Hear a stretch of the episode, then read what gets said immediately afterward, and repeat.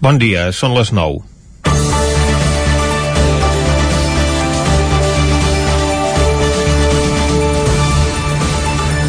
El govern espanyol ha presentat a Sora Bombo i Platarets un pla de millores a la xarxa de rodalies de Barcelona. Ho va fer en una visita d'obres a l'estació de la Sagrera, que aquests dies ha estat d'actualitat, perquè resulta que ja estan instal·lades les vies definitives per on passen els trens a la R1. El ministre de Transports i Mobilitat, José Luis Ábalos, ho celebrava com si ja es tractés a la inauguració de l'estació. I tot just es tracta només d'una de les vàries línies de rodalies i alta velocitat que hi han de transitar. Després d'11 anys d'obres, el projecte de la Sagrera només està executat al 40% o sigui que aquest ritme obres hauran durat uns 25 anys. Un detall que no és menor de com filen prima en els seus pronòstics al govern espanyol i del grau de compliment de les seves promeses ferroviàries, sigui amb un govern socialista o amb un govern popular perquè si ens hem de refiar dels seus pronòstics, les obres de desdoblament de la R3 entre Prets i la Garriga s'haurien de començar a veure finalment l'any vinent, i el tram entre Centelles i Vic hauria d'estar acabat d'aquí a 10 anys, segons el pla d'inversions de Rodalies que el ministre acaba de presentar. Del desdoblament del tram del Congost ni se'n parla, ni tampoc s'aclareix quin serà el traçat dels trens de passatgers entre Montcada i Mollet, com que a Santa Perpètua i a Montcada Ripollet han construït edificis i vials tant arran de via com han pogut, es veu molt difícil desdoblar aquest tram i l'Associació en Defensa del Transport Públic ja ha posat el crit al cel davant la possibilitat que es perdin aquestes estacions sortejant-les amb un enllaç de la R3 cap a la R8 o la R2. En qualsevol cas, aquest és el tercer pla d'inversió a Rodalies que presenten els tres últims governs espanyols. José Luis Rodríguez Zapatero va prometre 5.000 milions d'inversió quan la xarxa feia aigües per tot arreu per culpa de les obres de l'AVE i en va donar la culpa a la falta de manteniment durant el govern de José María Aznar. Aquella promesa va córrer la mateixa sort que el recolzaré l'Estatut que aprovi el Parlament de Catalunya. És a dir, li van passar el ribot i la inversió es va quedar en menys d'un 10% de l'anunciat. Després va venir Mariano Rajoy, que al març de 2017 prometia 4.000 milions més a invertir a la xarxa de Rodalies fins al 2025, dels quals 1.882 es gastarien abans d'acabar aquest 2020 era en el marc de la pluja de milions que va anunciar Catalunya per mirar d'aturar el referèndum i l'única pluja que hem vist sobre les vies és la del temporal Glòria que va negar l'entrada del semisoterrament a Vic i es va endur un pont sobre la Tordera a la R1. Ara, en Pedro Sánchez, el ministre Ábalos, anuncia una inversió de 4.622,39 milions en el període 2020-2025 i un total de 6.346 milions en tot el pla. El ritme d'inversions del 2021, en què només es consignen 262 milions per inversions a Rodalies, la seva execució duraria 24 anys. Però que no sigui que les matemàtiques ens desllueixin una bona promesa de cara a les eleccions. Que d'això deu anar la cosa. Comencem Territori 17, a la sintonia del 9 FM, la veu de Sant Joan, Ona Codinenca, Ràdio Cardedeu i el 9 TV. Territori 17, amb Vicenç Vigues i Jordi Sunyer. Thank you. Són les 9 i 3 minuts i mig del dimarts, dia 15 de desembre de 2020. Comença aquí un nou Territori 17 que avui, durant la primera hora, us acostarà tota l'actualitat de les nostres comarques. Després, a partir de les 10, les seccions habituals dels dimarts. Avui tindrem el Buscat la Vida amb Xela Falgueres, parlarem d'economia amb el Joan Carles Arredondo i acabarem parlant de medi ambient amb els companys de l'Agència de l'Energia d'Osona. Avui ens visitarà un dels seus tècnics, el Joan Canó, per ajudar-nos a entendre una mica millor les factures factures de la llum. Tot això i molt més des d'ara mateix i fins al punt de les 12. I com sempre el que fem ara és arrencar tot fent un repàs a l'actualitat de les nostres comarques, les comarques del Ripollès, Osona, el Moianès i el Vallès Oriental.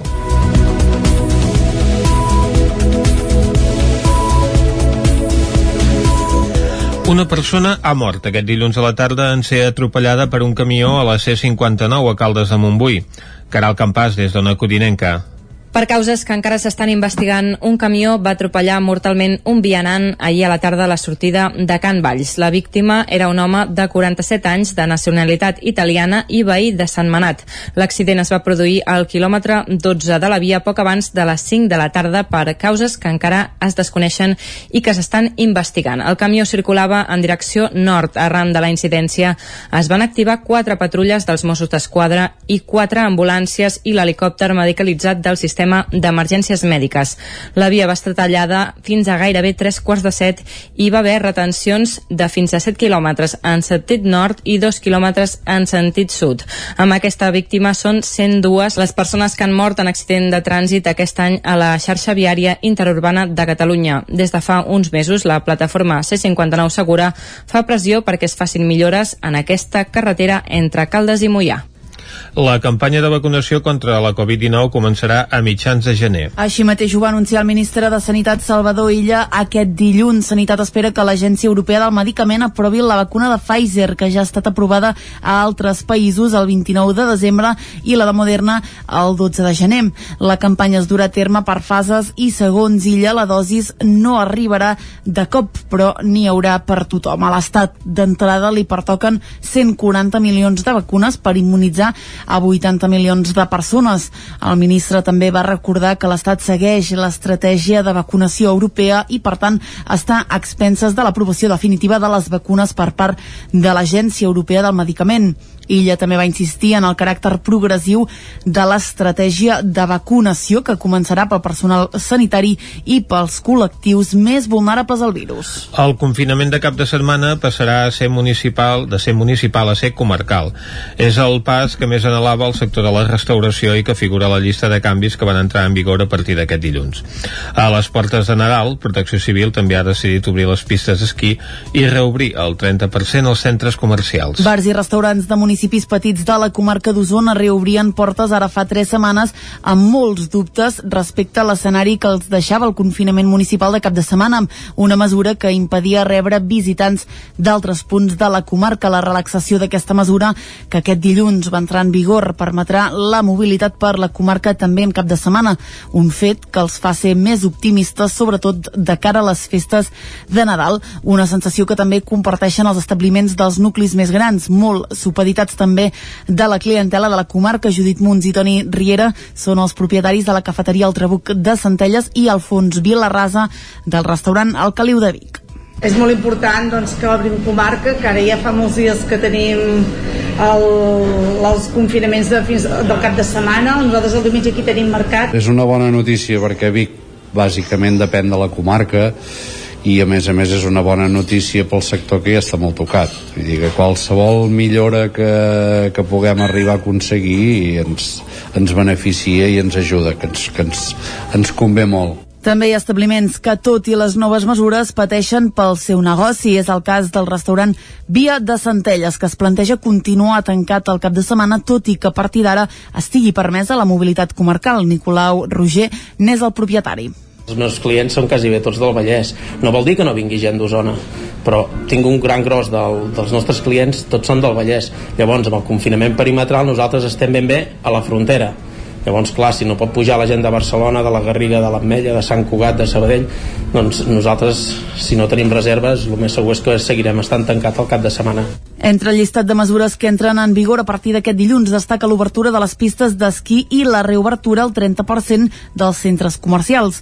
El sector cultural podrà ampliar la seva cabuda fins al 50% amb un màxim de 500 persones ampliables a 1.000 si hi ha una ventilació reforçada. La consellera de la presidència i portaveu del govern català, Meritxell Budó, es mostrava partidària de la flexibilització de les mesures en l'àmbit del comerç i la cultura. Així mateix ho va assegurar en una entrevista al Nou TV divendres abans que el Procicat les oficialitzés dissabte al matí. Budó també feia autocrítica sobre les discrepàncies evidents entre els dos socis de govern, Junts per Catalunya i Esquerra, en la gestió de la crisi de la Covid-19 i deia que el pla previst per les festes s'aplicarà si les dades epidemiològiques ho permeten perquè també creiem doncs, que l'obertura dels centres comercials a l'aire lliure ens permetran també esponjar i per tant doncs, evitar certes imatges d'aglomeracions doncs, com havíem vist i per tant doncs, això doncs, en els propers dies doncs, ja es podran obrir els centres comercials i veient doncs, que les condicions eren favorables han decidit obrir. De fet, és un esport a l'aire lliure, l'esport a l'aire lliure està permès en aquest tram doncs, que ens trobem en aquest moment de la fase de reobertura. L'únic, doncs, òbviament, que els desplaçaments a les pistes d'esquí doncs, tindran la seva dificultat perquè la mobilitat en aquests moments és la, és la que és. Aquesta crisi sanitària ha derivat també en una crisi econòmica i social importantíssima i per tant doncs, hem d'evitar doncs, que això vagi a més. I per tant doncs, jo penso que hem de ser tots conscients.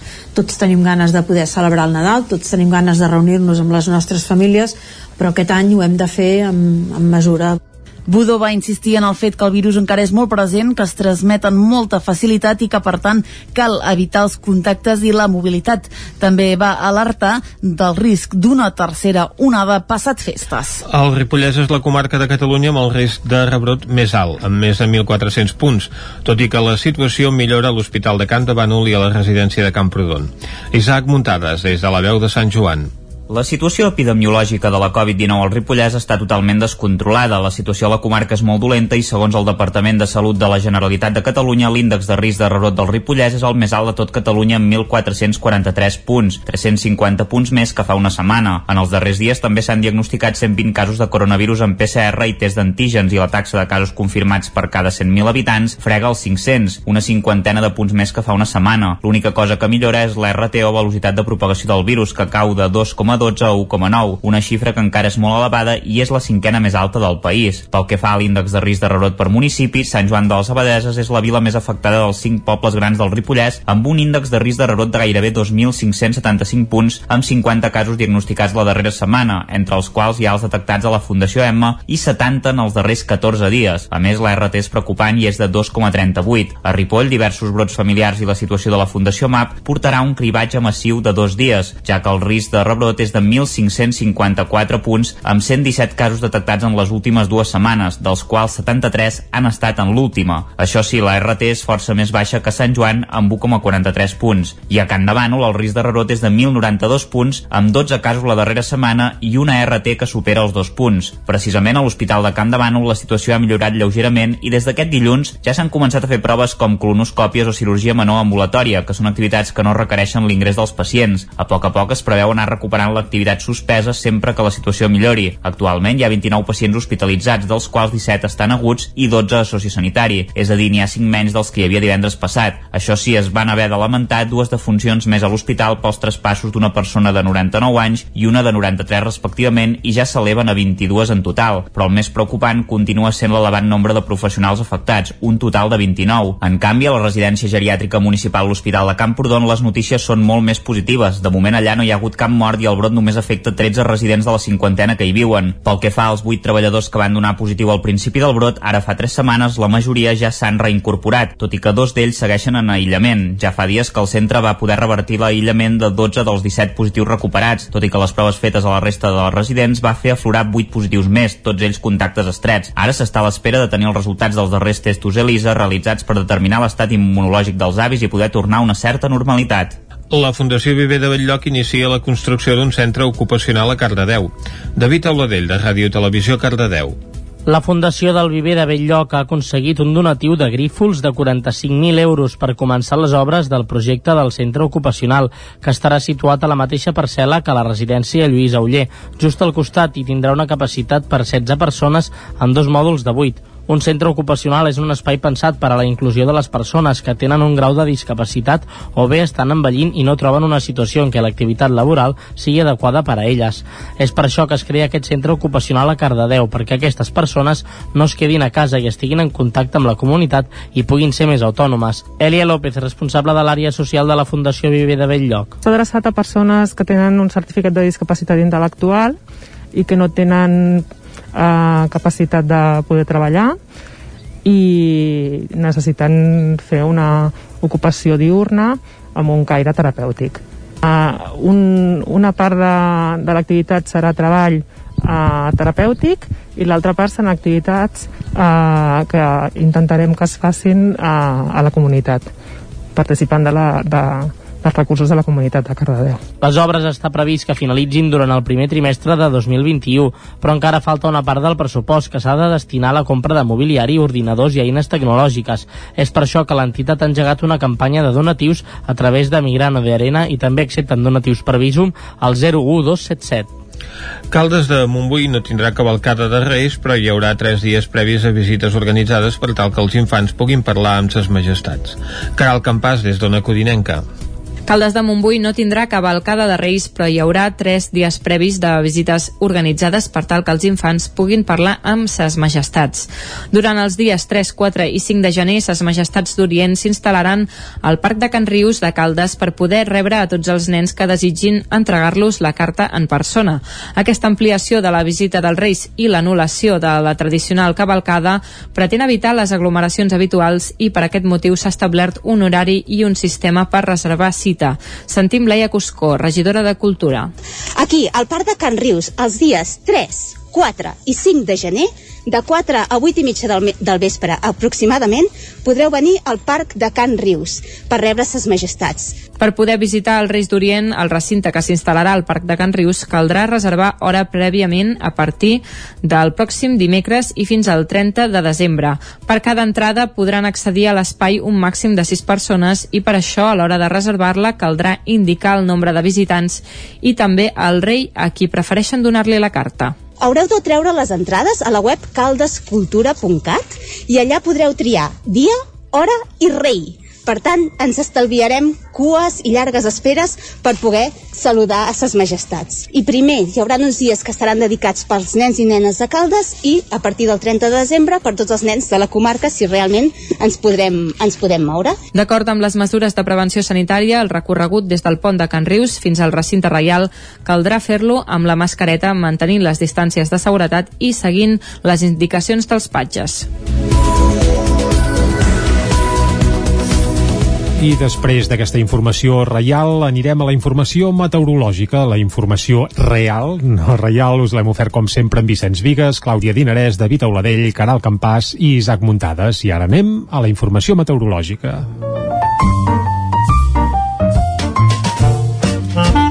Casa Terradellos us ofereix el temps. I aquesta qui ens la porta és cada dia en Pep Acosta. Bon dia, Pep. Hola, molt bon dia. I molt bona hora. Un dia més aquí a l'espai del temps. Clar que sí. Avui dimarts, dia 15 de desembre. Molt bé, correcte. Quines temperatures més suaus que mm. tenim ara mateix. déu nhi Només estan per sota dels 5 graus, 5 graus positius, eh? Mm -hmm. A la zona del Pirineu. Cap al prelitoral, eh, mínimes pròximes als 7-8 graus. Cap a l'interior, també 5-6 graus Uh, res a veure amb les temperatures que teníem fa una setmana. Uh, per què? Mm, continuem amb aquesta dinàmica, amb aquesta tendència dels vents de l'oest. Uh, els vents de l'oest, que són molt més càlids, mm, no són gens freds, i ens està portant això, unes temperatures força, força suaus. I el que també ens porten aquests vents són petits fronts, eh, fronts molt desgastats que ens van passant, eh, que passen eh, molt de pressa i a més deixen eh, molt poca precipitació i deixen molt poca, com ho diria, molt poca incidència amb el temps, eh, gairebé nula. Eh, el, el que s'hi deixen és força núvols ara mateix i això encara fa que la temperatura baixi menys. Eh, per tant, una situació eh, gens, gens hivernal el dia d'avui. Aquest front, bueno, aquest minifront, Minifront. eh, passarà fins a mig matí. Eh, poder cauen quatre gotes en alguna zona, poquíssima cosa. El Pirineu de Lleida sí que ha plogut una mica, però el Pirineu Oriental gairebé no plourà gens, si és que arriba a ploure, eh, perquè ho farà molt, molt, molt poca cosa. Uh, de cara a la tarda, aquest front ja haurà marxat, marxarà, s'obriran moltes clarianes, si bé cap al Pirineu Oriental encara quedaran forces núvols. Les temperatures màximes molt semblants a les d'ahir, superiors als 15 graus en moltes zones del peritoral, sí, sí, superiors als 15 graus, per tant, molt suaus, i a l'interior entre els 14, 17, 18 graus també. Per tant, unes temperatures molt, molt suaus. Primavera. L'únic lloc on seran una mica més fredes és cap al Pirineu. De cara al final del dia, Uh -huh. aquests eh, vents de l'oest, que seran una mica moderats, les zones del Pirineu, giren una mica nord i farà que la temperatura la nit següent sigui una mica més baixa. Uh, però bueno, tampoc no farà molt, molt de fred, eh? Uh, continuem amb aquest uh, panorama de més o menys terreny de ningú, no tenim cap anticicló potent a la vora, tampoc tenim cap perturbació molt potent a la vora, i això fa que el temps sigui bastant indefinit i que les temperatures siguin això, força suaus per l'època de l'any. Serà una setmana... Més o menys tota la setmana serà així, eh? No, no tindrem grans, grans al·licients meteorològics durant aquesta setmana. Oh. Moltes gràcies i fins demà. Adeu. Vinga, Pep, moltes gràcies. Per tant, serà una setmana apagadota per, vaja, pel nostre Pep. home del temps, eh? En Pep, quan no hi ha canvis, el notem que li falta una mica de, de caliu. Va, a nosaltres no ens en falta, anem ara mateix cap al quiosc. Casa Tarradellas us ha ofert aquest espai. Territori 17 Fem ara, doncs, un cop d'ull al que treuen en portada els diaris d'avui, Clàudia. Bon dia de nou, comencem com sempre amb el punt avui que diu clam per l'amnistia. Partits i entitats acorden portar al Congrés una proposta de llei. El text no té cap possibilitat de ser aprovat per l'oposició del PSOE, PP, Ciutadans i Vox. La iniciativa no inclou fer net amb les causes contra els policies de l'1 d'octubre. Un altre titular diu Soler nega cap implicació en el referèndum. A la imatge, el 4 de gener es començarà a vacunar primer a les residències. Salut destinarà 500 infermeres i infermers per iniciar la campanya als geriàtrics. Els centres comercials, que veiem precisament a la imatge, han reobert, però calculen unes pèrdues de 500 milions d'euros. Més coses, el Suprem castiga Otegui i ordena que se'l torni a jutjar excepcionant l'obra d'art prehistòrica en una cova al Priorat i en esports el Barça se les haurà de veure amb el PSG en els vuitens de la Champions. Anem al diari Ara que diu el Suprem ordena tornar a jutjar Otegui. Estrasburg havia sentenciat que el primer judici pel cas uh, Bateragune va ser injust. El polític basc ja va complir sis anys i mig de presó, però el Suprem ha votat repetir tot el procés. A la imatge, Catalunya començarà a vacunar al gener i els Estats Units ja ho estan fent. Ahir va ser vacunada la primera nord-americana, una infermera de la UCI de Nova York. Aquí veiem doncs a la imatge de la portada. A Catalunya les vacunes, diu, arribaran per Reis i 500 infermeres i infermers les portaran a les residències. Més coses, els membres del col·legi electoral confirmen Biden i segona estrella Michelin pels restaurants Botic i Cinc Sentits. Anem avançant, anem al periòdico que diu la vacuna extrema la bretxa entre el nord i el sud. A la imatge diu alleujament al comerç i també a la neu. Recordem que aquest dilluns doncs, van obrir les pistes d'esquí a Catalunya. Un altre titular diu la residència de Trem no va ser desinfectada fins 10 dies després de declarar-se el brot. En política, el govern valora elevar de 25 a 35 anys el plaç de càlcul de les pensions. I trobat a la nau cremada de Badalona el cadàver d'una quarta víctima. Anem a l'avantguàrdia que diu els sindicats rebutgen allargar el període de cotització de les pensions. Divisió al govern per la proposta d'escrivar d'augmentar de 25 a 35 anys, com comentàvem fa un moment, el còmput per, res, per rebre doncs, aquesta prestació. A la imatge, els centres comercials reobren, diu, a mig gas, primer punt de contagis a Catalunya des del mes d'octubre i el Suprem ordena que es repeteixi el judici que va condemnar a Otegui. Anem a veure què treuen en portada els diaris de Madrid. Comencem amb el país que diu el tancament de botigues i col·legis s'extén a Europa per Nadal. El Regne Unit, França, Alemanya i Holanda imposen restriccions més dures. A Espanya en pateix un uh, registre, més ben dit, uh, un repunt de casos després de 5 setmanes a la baixa. A la imatge comença la vacunació als Estats Units. També parla de l'apagón de Google, que diu, posa de manifest la dependència dels de gegants digitals. Uh, pel que fa al PP, l'ex-jefe de la policia ara assenyala el cas Kitchen a la cúpula del Partit Popular i el judici per al que Otegi doncs, va complir condemna, diu s'ha de repetir. El Mundo Iglesias exigeix a Sánchez que desautoritzi a Calviño en el salari mínim. El líder de Podemos dona suport a Yolanda Díaz contra el pla de congelació del salari mínim interprofessional de la vicepresidenta. A la imatge diu, vence el Covid amb 104 anys i, i apareix doncs aquesta protagonista de 104 anys que ha superat la malaltia i que a més a més diu salut que no en falti.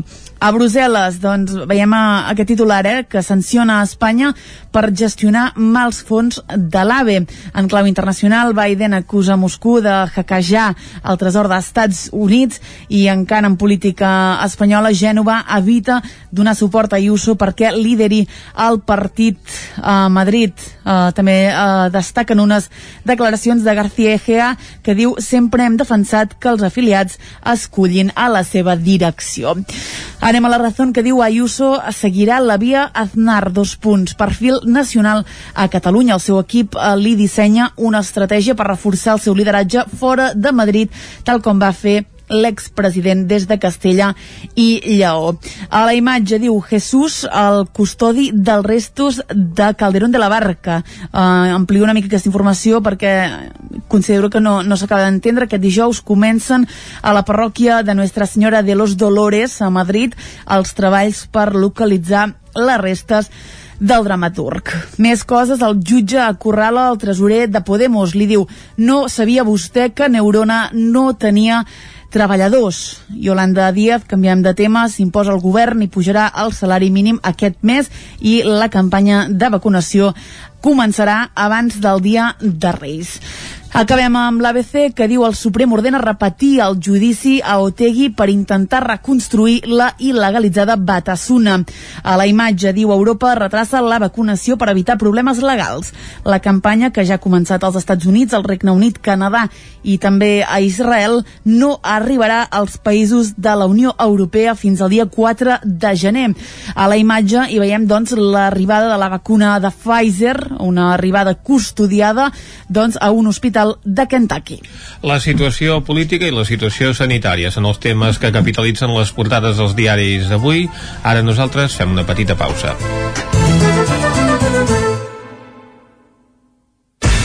El nou FM, la ràdio de casa, al 92.8. Les bones decisions tenen premi.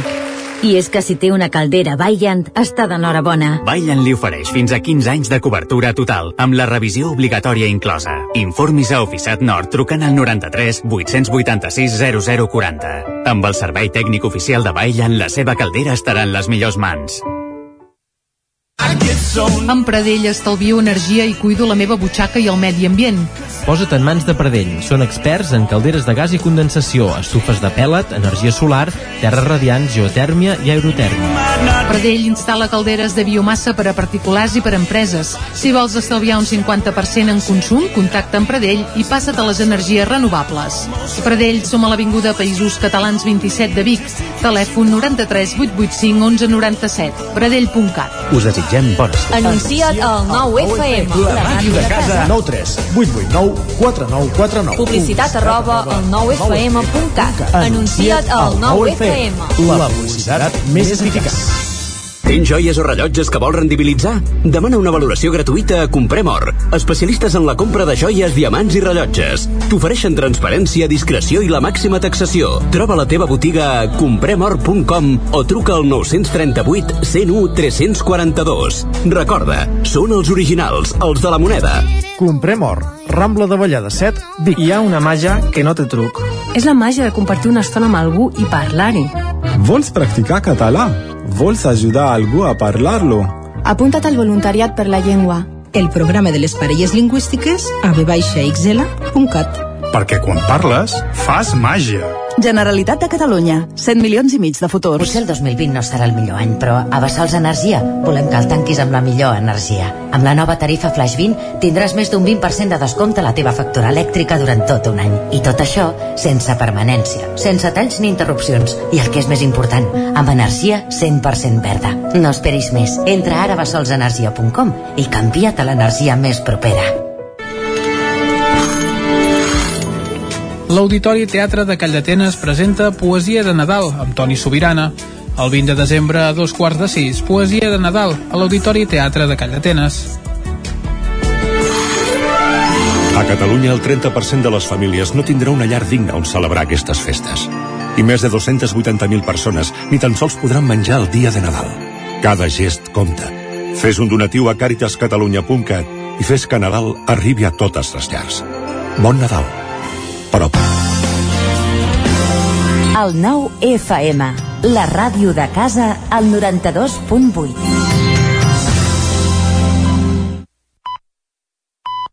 Territori 17, amb Vicenç Vigues i Jordi Sunyer. Són dos quarts de deu en punt d'avui dimarts, dia 15 de desembre de 2020. Seguim aquí en directe a Territori 17 i us farem companyia fins a les 12 del migdia. Ara el que toca és acostar-vos de nou tota l'actualitat de les nostres comarques i després, a partir de les 10, tindrem les seccions habituals dels dimarts. Recordem-ho, avui recuperarem el Buscat la Vida amb la Txela Falgueres des de Ràdio Cardedeu. També parlarem d'economia amb el Joan Carles Arredondo i al quarts de 12, tocats a dos de 12 tocats, ens acompanyarà el Joan Canó, tècnic de l'Agència de l'Energia d'Osona, que ens ajudarà a entendre millor la factura elèctrica, ja que parlarem això, precisament, dels detalls de la factura i dels canvis que s'acosten de cara a l'any vinent en aquest sentit. Ara, però, el que toca, tal com us hem avançat abans, és acostar-vos de nou tota l'actualitat de les nostres comarques, les comarques del Ripollès, Osona, el Moianès i el Vallès Oriental.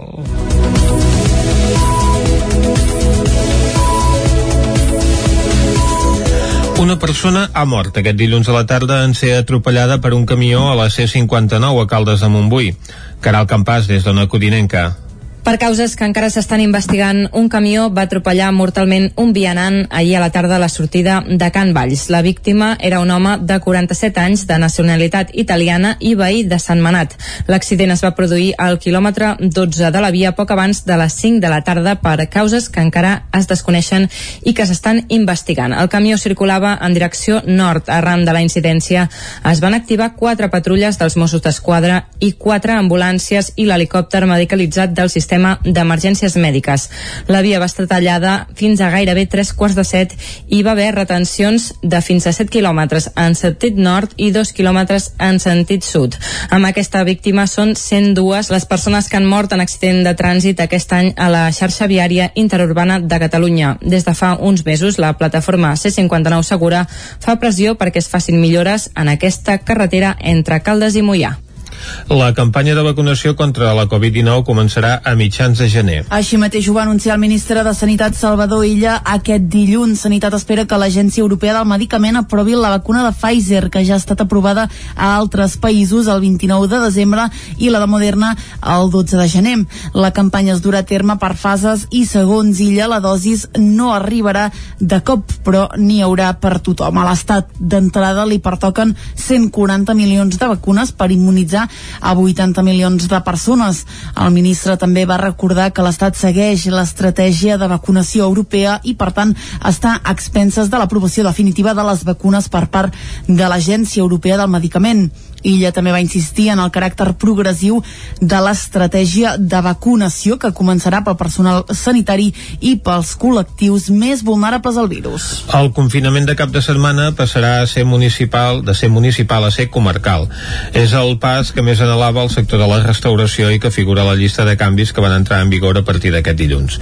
A les portes de Nadal, Protecció Civil també ha decidit obrir les pistes d'esquí i reobrir el 30% als centres comercials. Bars i restaurants de municipis municipis petits de la comarca d'Osona reobrien portes ara fa tres setmanes amb molts dubtes respecte a l'escenari que els deixava el confinament municipal de cap de setmana, una mesura que impedia rebre visitants d'altres punts de la comarca. La relaxació d'aquesta mesura, que aquest dilluns va entrar en vigor, permetrà la mobilitat per la comarca també en cap de setmana, un fet que els fa ser més optimistes, sobretot de cara a les festes de Nadal, una sensació que també comparteixen els establiments dels nuclis més grans, molt supeditats també de la clientela de la comarca. Judit Munts i Toni Riera són els propietaris de la cafeteria El Trabuc de Centelles i Alfons Vilarrasa del restaurant El Caliu de Vic. És molt important doncs, que obrim comarca, que ara ja fa molts dies que tenim el, els confinaments de fins, del cap de setmana. Nosaltres el diumenge aquí tenim mercat. És una bona notícia perquè Vic bàsicament depèn de la comarca i a més a més és una bona notícia pel sector que ja està molt tocat vull dir que qualsevol millora que, que puguem arribar a aconseguir ens, ens beneficia i ens ajuda que ens, que ens, ens convé molt també hi ha establiments que, tot i les noves mesures, pateixen pel seu negoci. És el cas del restaurant Via de Centelles, que es planteja continuar tancat el cap de setmana, tot i que a partir d'ara estigui permesa la mobilitat comarcal. Nicolau Roger n'és el propietari. Els meus clients són quasi bé tots del Vallès. No vol dir que no vingui gent d'Osona, però tinc un gran gros del, dels nostres clients, tots són del Vallès. Llavors, amb el confinament perimetral, nosaltres estem ben bé a la frontera llavors clar, si no pot pujar la gent de Barcelona de la Garriga, de l'Ametlla, de Sant Cugat de Sabadell, doncs nosaltres si no tenim reserves, el més segur és que seguirem estant tancat al cap de setmana Entre el llistat de mesures que entren en vigor a partir d'aquest dilluns destaca l'obertura de les pistes d'esquí i la reobertura al 30% dels centres comercials. El sector cultural podrà ampliar la seva cabuda fins al 50% amb un màxim de 500 persones ampliables a 1.000 si hi ha una ventilació reforçada. La consellera de la presidència i portaveu del govern català, Meritxell Budó, es mostrava partidària de la flexibilització de les mesures en l'àmbit del comerç i la cultura. Així mateix ho va assegurar en una entrevista al Nou TV divendres abans que el Procicat les oficialitzés dissabte al matí. Budó també feia autocrítica sobre les discrepàncies evidents entre els dos socis de govern, Junts per Catalunya i Esquerra, en la gestió de la crisi de la Covid-19 i deia que el pla previst per les festes s'aplicarà si les dades epidemiològiques ho permeten perquè també creiem doncs, que l'obertura dels centres comercials a l'aire lliure ens permetran també esponjar i per tant doncs, evitar certes imatges d'aglomeracions doncs, com havíem vist i per tant doncs, això doncs, en els propers dies doncs, ja es podran obrir els centres comercials i veient doncs, que les condicions eren favorables han decidit obrir. De fet, és un esport a l'aire lliure, l'esport a l'aire lliure està permès en aquest tram doncs, que ens trobem en aquest moment de la fase de reobertura. L'únic, doncs, òbviament, que els desplaçaments a les pistes d'esquí doncs, tindran la seva dificultat perquè la mobilitat en aquests moments és la, és la que és. Aquesta crisi sanitària ha derivat també en una crisi econòmica i social importantíssima i per tant doncs, hem d'evitar doncs, que això vagi a més. I per tant doncs, jo penso que hem de ser tots conscients. Tots tenim ganes de poder celebrar el Nadal tots tenim ganes de reunir-nos amb les nostres famílies però aquest any ho hem de fer amb, amb mesura Budó va insistir en el fet que el virus encara és molt present, que es transmet amb molta facilitat i que, per tant, cal evitar els contactes i la mobilitat. També va alertar del risc d'una tercera onada passat festes. El Ripollès és la comarca de Catalunya amb el risc de rebrot més alt, amb més de 1.400 punts, tot i que la situació millora a l'Hospital de Can de Bànol i a la residència de Camprodon. Isaac Muntades, des de la veu de Sant Joan. La situació epidemiològica de la Covid-19 al Ripollès està totalment descontrolada. La situació a la comarca és molt dolenta i, segons el Departament de Salut de la Generalitat de Catalunya, l'índex de risc de rebrot del Ripollès és el més alt de tot Catalunya amb 1.443 punts, 350 punts més que fa una setmana. En els darrers dies també s'han diagnosticat 120 casos de coronavirus en PCR i test d'antígens i la taxa de casos confirmats per cada 100.000 habitants frega els 500, una cinquantena de punts més que fa una setmana. L'única cosa que millora és l'RT o velocitat de propagació del virus, que cau de 2, 1,12 a 1,9, una xifra que encara és molt elevada i és la cinquena més alta del país. Pel que fa a l'índex de risc de rebrot per municipi, Sant Joan de les Abadeses és la vila més afectada dels cinc pobles grans del Ripollès, amb un índex de risc de rebrot de gairebé 2.575 punts, amb 50 casos diagnosticats la darrera setmana, entre els quals hi ha els detectats a la Fundació Emma i 70 en els darrers 14 dies. A més, la RT és preocupant i és de 2,38. A Ripoll, diversos brots familiars i la situació de la Fundació MAP portarà un cribatge massiu de dos dies, ja que el risc de rebrot és de 1.554 punts, amb 117 casos detectats en les últimes dues setmanes, dels quals 73 han estat en l'última. Això sí, la RT és força més baixa que Sant Joan, amb 1,43 punts. I a Can de Bànol, el risc de rebrot és de 1.092 punts, amb 12 casos la darrera setmana i una RT que supera els dos punts. Precisament a l'Hospital de Can de Bànol la situació ha millorat lleugerament i des d'aquest dilluns ja s'han començat a fer proves com colonoscòpies o cirurgia menor ambulatòria, que són activitats que no requereixen l'ingrés dels pacients. A poc a poc es preveu anar recuperant l'activitat suspesa sempre que la situació millori. Actualment hi ha 29 pacients hospitalitzats, dels quals 17 estan aguts i 12 a sociosanitari, és a dir, n'hi ha 5 menys dels que hi havia divendres passat. Això sí, es van haver de lamentar dues defuncions més a l'hospital pels traspassos d'una persona de 99 anys i una de 93 respectivament i ja s'eleven a 22 en total, però el més preocupant continua sent l'elevat nombre de professionals afectats, un total de 29. En canvi, a la residència geriàtrica municipal l'Hospital de Camprodon les notícies són molt més positives. De moment allà no hi ha hagut cap mort i el brot només afecta 13 residents de la cinquantena que hi viuen. Pel que fa als 8 treballadors que van donar positiu al principi del brot, ara fa 3 setmanes la majoria ja s'han reincorporat, tot i que dos d'ells segueixen en aïllament. Ja fa dies que el centre va poder revertir l'aïllament de 12 dels 17 positius recuperats, tot i que les proves fetes a la resta de les residents va fer aflorar 8 positius més, tots ells contactes estrets. Ara s'està a l'espera de tenir els resultats dels darrers testos ELISA realitzats per determinar l'estat immunològic dels avis i poder tornar a una certa normalitat. La Fundació Viver de Belllloc inicia la construcció d'un centre ocupacional a Cardedeu. David Auladell, de Ràdio Televisió Cardedeu.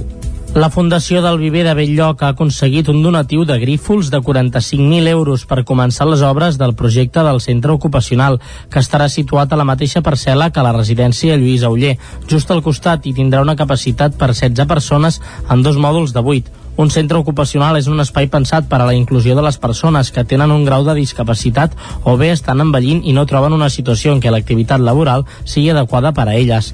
És per això que es crea aquest centre ocupacional a Cardedeu, perquè aquestes persones no es quedin a casa i estiguin en contacte amb la comunitat i puguin ser més autònomes. Elia López, responsable de l'àrea social de la Fundació Viver de Belllloc. S'ha adreçat a persones que tenen un certificat de discapacitat intel·lectual i que no tenen eh, capacitat de poder treballar i necessiten fer una ocupació diurna amb un caire terapèutic.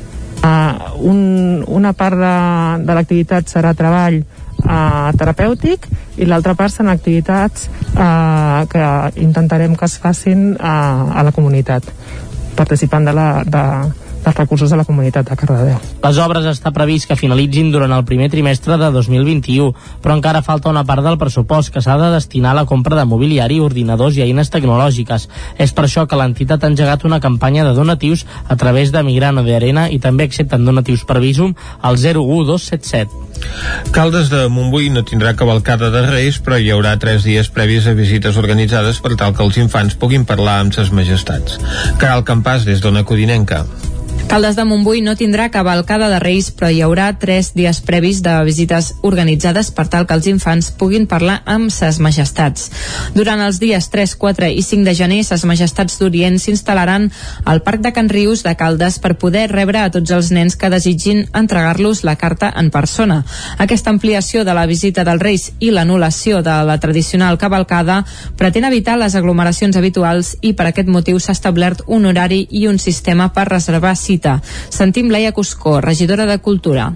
Aquí, al Parc de Can Rius, els dies 3, 4 i 5 de gener, de 4 a 8 i mitja del, del vespre aproximadament, podreu venir al Parc de Can Rius per rebre ses majestats. Per poder visitar el Reis d'Orient, el recinte que s'instal·larà al Parc de Can Rius, caldrà reservar hora prèviament a partir del pròxim dimecres i fins al 30 de desembre.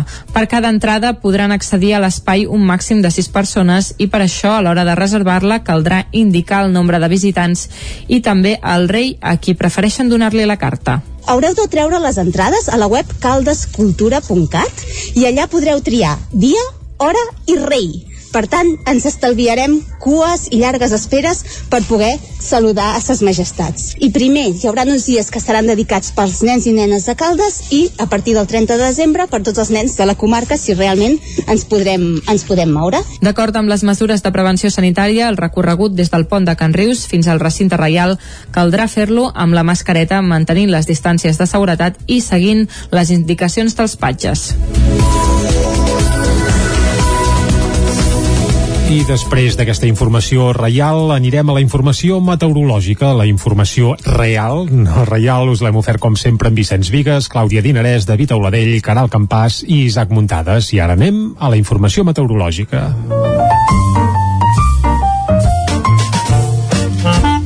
Casa Terradellos us ofereix el temps. I aquesta qui ens la porta és cada dia en Pep Acosta. Bon dia, Pep. Hola, molt bon dia. I molt bona hora. Un dia més aquí a l'espai del temps. Clar que sí. Avui dimarts, dia 15 de desembre. Molt bé, correcte. Quines temperatures més suaus que mm. tenim ara mateix. déu nhi Només estan per sota dels 5 graus, 5 graus positius, eh? Mm -hmm. A la zona del Pirineu cap al prelitoral eh, mínimes pròximes als 7-8 graus cap a l'interior també 5-6 graus eh, res a veure amb les temperatures que teníem fa una setmana eh, per què? Mm, continuem amb aquesta dinàmica, amb aquesta tendència dels vents de l'oest eh, els vents de l'oest que són molt més càlids mm, no són gens freds i ens està portant això, unes temperatures força, força suaus. I el que també ens porten aquests vents són petits fronts, eh, fronts molt desgastats que ens van passant, eh, que passen eh, molt de pressa i a més deixen eh, molt poca precipitació i deixen molt poca, com ho diria, molt poca incidència amb el temps, eh, gairebé nula Eh, el, el que s'hi deixen és força núvols ara mateix i això encara fa que la temperatura baixi menys. Eh, per tant una situació eh, gens, gens hivernal el dia d'avui. Aquest front, bueno, aquest mini front, mini front eh, passarà fins a mig matí. Eh, poder cauen quatre gotes en alguna zona poquíssima cosa. El Pirineu de Lleida sí que ha pogut una mica però el Pirineu Oriental gairebé no plourà gens si és que arriba a ploure, eh, perquè ho farà molt, molt, molt poca cosa. Uh, de cara a la tarda, aquest front ja haurà marxat, marxarà, s'obriran moltes clarianes, si bé cap al Pirineu Oriental encara quedaran forces núvols. Les temperatures màximes molt semblants a les d'ahir, superiors als 15 graus en moltes zones del peritoral, sí, sí, superiors als 15 graus, per tant, molt suaus, i a l'interior entre els 14, 17, 18 graus també, per tant, unes temperatures molt, molt mm suaus. Primavera. L'únic lloc on seran una mica més fredes és cap al Pirineu. De cara al final del dia, mm -hmm. aquests eh, vents de l'oest, que seran una mica moderats, les zones del Pirineu, giraran una mica nord i farà que la temperatura la nit següent sigui una mica més baixa. Uh, però bueno, tampoc no farà molt, molt de fred, eh? Uh, continuem aquest uh, panorama de més o menys terreny de ningú, no tenim cap anticicló potent a la vora, tampoc tenim cap perturbació molt potent a la vora, i això fa que el temps sigui bastant indefinit i que les temperatures siguin això, força suaus per l'època de l'any. Serà una setmana més o menys tota la setmana serà així, eh? no, no tindrem Canvis. grans, grans al·licients meteorològics durant aquesta setmana. Oh. Moltes gràcies i fins demà. Adeu. Vinga, Pep, moltes gràcies. Per tant, serà una setmana apagadota per, vaja, pel nostre sí, home del temps, eh? En Pep, quan no hi ha canvis, el notem que li falta una mica de, de caliu. Va, a nosaltres no ens en falta, anem ara mateix cap al quiosc. Casa Tarradellas us ha ofert aquest espai. Territori 17 Fem ara, doncs, un cop d'ull al que treuen en portada els diaris d'avui, Clàudia. Bon dia de nou. Comencem, com sempre, amb el punt avui que diu clam per l'amnistia. Partits i entitats acorden portar al Congrés una proposta de llei. El text no té cap possibilitat de ser aprovat per l'oposició del PSOE, PP, Ciutadans i Vox. La iniciativa no inclou fer net amb les causes contra els policies de l'1 d'octubre. Un altre titular diu Soler nega cap implicació en el referèndum. A la imatge, el 4 de gener es començarà a vacunar primer a les residències. Salut destinarà 500 infermeres i infermers per iniciar la campanya als geriàtrics. Els centres comercials, que veiem precisament a la imatge, han reobert, però calculen unes pèrdues de 500 milions d'euros. Més coses, el Suprem castiga Otegui i ordena que se'l torni a jutjar excepcionant l'obra d'art prehistòrica en una cova al Priorat i en esports el Barça se les haurà de veure amb el PSG en els vuitens de la Champions. Anem al diari Ara que diu el Suprem ordena tornar a jutjar Otegui. Estrasburg havia sentenciat que el primer judici pel cas uh, Bateragune va ser injust. El polític basc ja va complir sis anys i mig de presó, però el Suprem ha votat repetir tot el procés. A la imatge, Catalunya començarà a vacunar al gener i els Estats Units ja ho estan fent. Ahir va ser vacunada la primera nord-americana, una infermera de la UCI de Nova York. Aquí veiem doncs, a la imatge de la portada. A Catalunya les vacunes, diu, arribaran per Reis i 500 infermeres i infermers les portaran a les residències. Més coses, els membres del col·legi electoral confirmen Biden i segona estrella Michelin pels restaurants Botic i Cinc Sentits. Anem avançant, anem al periòdico que diu la vacuna extrema la bretxa entre el nord i el sud. A la imatge diu alleujament al comerç i també a la neu. Recordem que aquest dilluns doncs, van obrir les pistes d'esquí a Catalunya. Un altre titular diu la residència de Trem no va ser desinfectada fins 10 dies després de declarar-se el brot. En política, el govern valora elevar de 25 a 35 anys el plaç de càlcul de les pensions. I trobat a la nau cremada de Badalona el cadàver d'una quarta víctima. Anem a l'avantguàrdia que diu els sindicats rebutgen allargar el període de cotització de les pensions. Divisió al govern per la proposta d'escrivar d'augmentar de 25 a 35 anys, com comentàvem fa un moment el còmput per, res, per rebre doncs, aquesta prestació. A la imatge, els centres comercials reobren, diu, a mig gas, primer punt de contagis a Catalunya des del mes d'octubre i el Suprem ordena que es repeteixi el judici que va condemnar a Otegui. Anem a veure què treuen en portada els diaris de Madrid. Comencem amb el país que diu el tancament de botigues i col·legis s'extén a Europa per Nadal. El Regne Unit, França, Alemanya i Holanda imposen restriccions més dures. A Espanya en pateix un uh, registre, més ben dit, uh, un repunt de casos després de cinc setmanes a la baixa. A la imatge comença la vacunació als Estats Units. També parla de l'apagón de Google, que diu posa de manifest la dependència dels gegants digitals. Uh, pel que fa al PP, l'ex-jefe de la policia ara assenyala el cas Kitchen a la cúpula del Partit Popular i el judici per al que Otegui doncs, va complir condemna diu s'ha de repetir. El Mundo Iglesias exigeix a Sánchez que desautoritzi a Calviño en el salari mínim. El líder de Podemos dona suport a Yolanda Díaz contra el pla de congelació del salari mínim interprofessional de la vicepresidenta. A la imatge diu, vence el Covid amb 104 anys i, i apareix doncs aquesta protagonista de 104 anys que ha superat la malaltia i que a més a més diu salut que no en falti.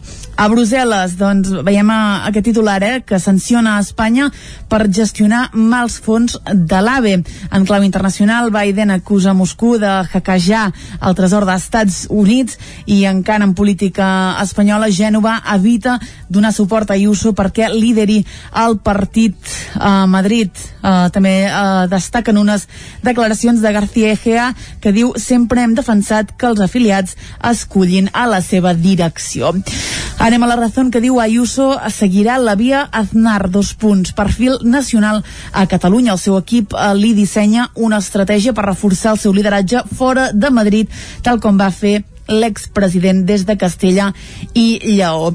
A la imatge diu Jesús, el custodi dels restos de Calderón de la Barca. Uh, amplio una mica aquesta informació perquè considero que no, no s'acaba d'entendre. Aquest dijous comencen a la parròquia de Nuestra Senyora de los Dolores a Madrid els treballs per localitzar les restes del dramaturg.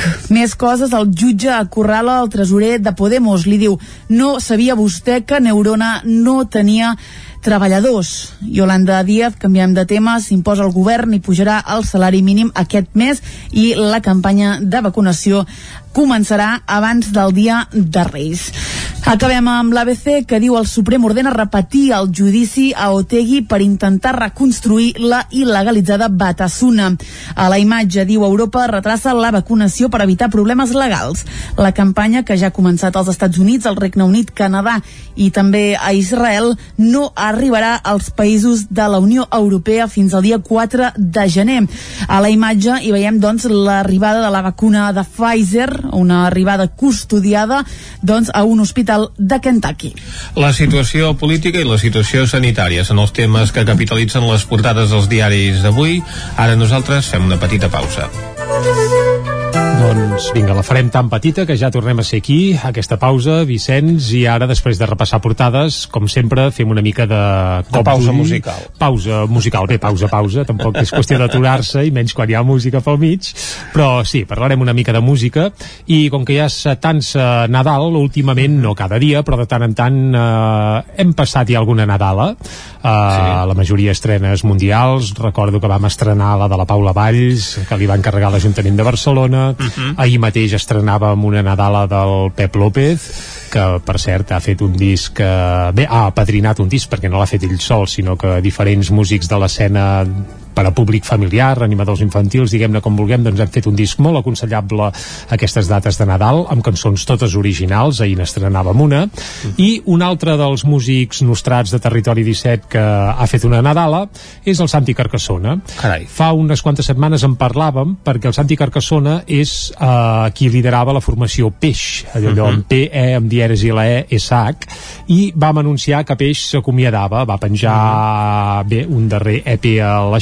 xarxes de comiat però bé, eh, ara sota el nom de Santi Carcassona, tot i que va enfundat amb una samarreta de peix, perquè la cançó que escoltarem es va estrenar ahir, i és una espècie de videoclip nadalenc, i el Santi Carcassona va enfundat amb una samarreta això de peix, en aquest videoclip, eh? Per tant, perquè la Nadala seus... no dirà, però mira com veuen els peixos en no, el riu, no? No, no, no, però sí que és una adaptació, és a dir, no es tracta d'una peça original del Santi, sinó que és una versió de l'Everything's Gonna Be Cool This Christmas, uh -huh. que, bé, pel títol segurament els que no sigueu fans de, de Hills doncs aniríeu perduts, però resulta que els Hills, que és una de les formacions de capçalera del Santi, Mm -hmm. doncs ja fa uns quants anys van versionar aquesta peça i bé, això és molt habitual, eh? el món anglosaxó la majoria de grups de pop-rock quan ve Nadal es dediquen a treure alguna Nadala mm -hmm. així en format pop-rock això aquí diguem que no tenia tanta tradició però últimament està arrelant força i molts i molts grups ho estan fent eh? Mm -hmm. fins i tot apareixen discos, etc etc. la setmana passada sé que parlàvem del Joan Garrido aquell cantant mallorquí ara fincat al Vallès i tants d'altres que es dediquen a això, a fer Nadales que també ja està fa, bé ja fa anys no, que algunes eh, doncs, discogràfiques elles mateixes ho impulsaven aquesta, aquesta opció de fer Nadales Correcte. Eh, amb els seus grups de capçalera no? Bé, primer es va fer aquella versió, eh, ara eh, es notarà que som una mica grans, però recordes als 90 es feien aquells recopilatoris per Nadal, allò del Tec i la Teca, Sí. el Fot-li Canya, Mhm. parlo de discogràfiques nostrades, eh, les Mhm. ibèriques i altres feien altres recopilatoris, sí, sí. Però encara això al segle passat, a finals del segle passat, era molt habitual fer recopilatoris de greatest hits que triomfaven sempre els tions o pels reis. Exacte. Això es va acabar i després el que dius tu, Vicenç, es va posar de moda, entre cometes, doncs, fer discos amb Nadales, Mhm. originals o versions, però, però vaja, de Nadales, i la veritat és que n'hi ha de molt encertades, home, sí, aquella és Nadal, És Nadal. coc, és que s'ha versionat 50.000 vegades i no és una Nadala popular, és del Josep Tió de Sota Ahà. de Cabra i se n'han fet multitud de versions i cada any la tornes a escoltar i té aquella, aquella coseta, eh? Oh, i tant. Uh, però no l'escoltarem avui aquesta, eh? Anem al gra perquè hem xerrat uh, una mica massa i no tindrem temps d'escoltar-la. El que escoltarem és uh, aquesta peça del Santi Carcassona que l'ha adaptat al català i en català es diu Què puc fer per tenir un bon Nadal? Què puc fer per tenir un bon Nadal amb el Santi Carcassona i recordem que és una versió de Hills, una banda uh, anglosaxona, en aquest cas passada pels sedars del Santi Carcassona i recordeu que també se'n pot veure un fantàstic videoclip d'aquesta peça, per tant si voleu badar-hi a internet feu-ho perquè val molt la pena. Nosaltres evidentment us l'oferim en format eh, orelles, eh, per escoltar. Ja està sonant, va. Amb això arribarem fins al punt de les 10.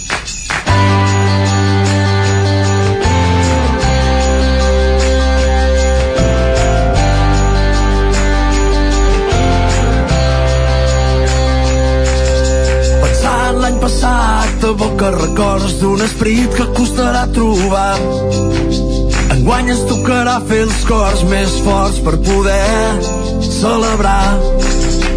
Què puc fer per tenir un bon Nadal? Què puc fer per tenir un bon Nadal? Què puc fer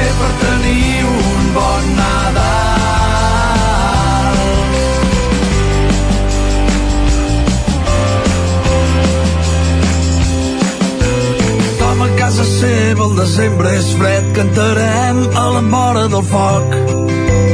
Com arribaran els reis d'Orient, com farem cagar el tió. Què puc fer per tenir un bon Nadal? Què puc fer per tenir un bon Nadal?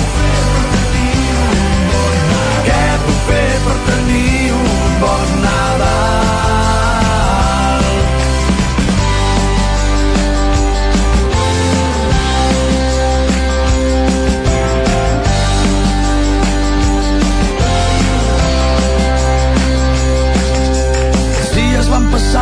Fa falta amor, l'amistat és un gran present.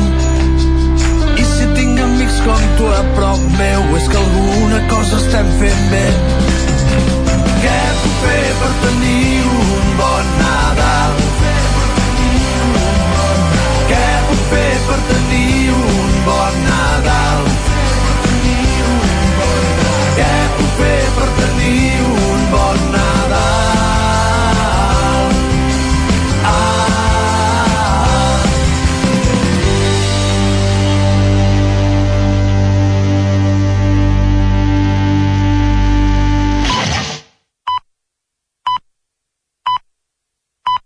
I a les 10 en punt torna la informació de les nostres comarques, les comarques del Ripollès, Osona, el Moianès i el Vallès Oriental.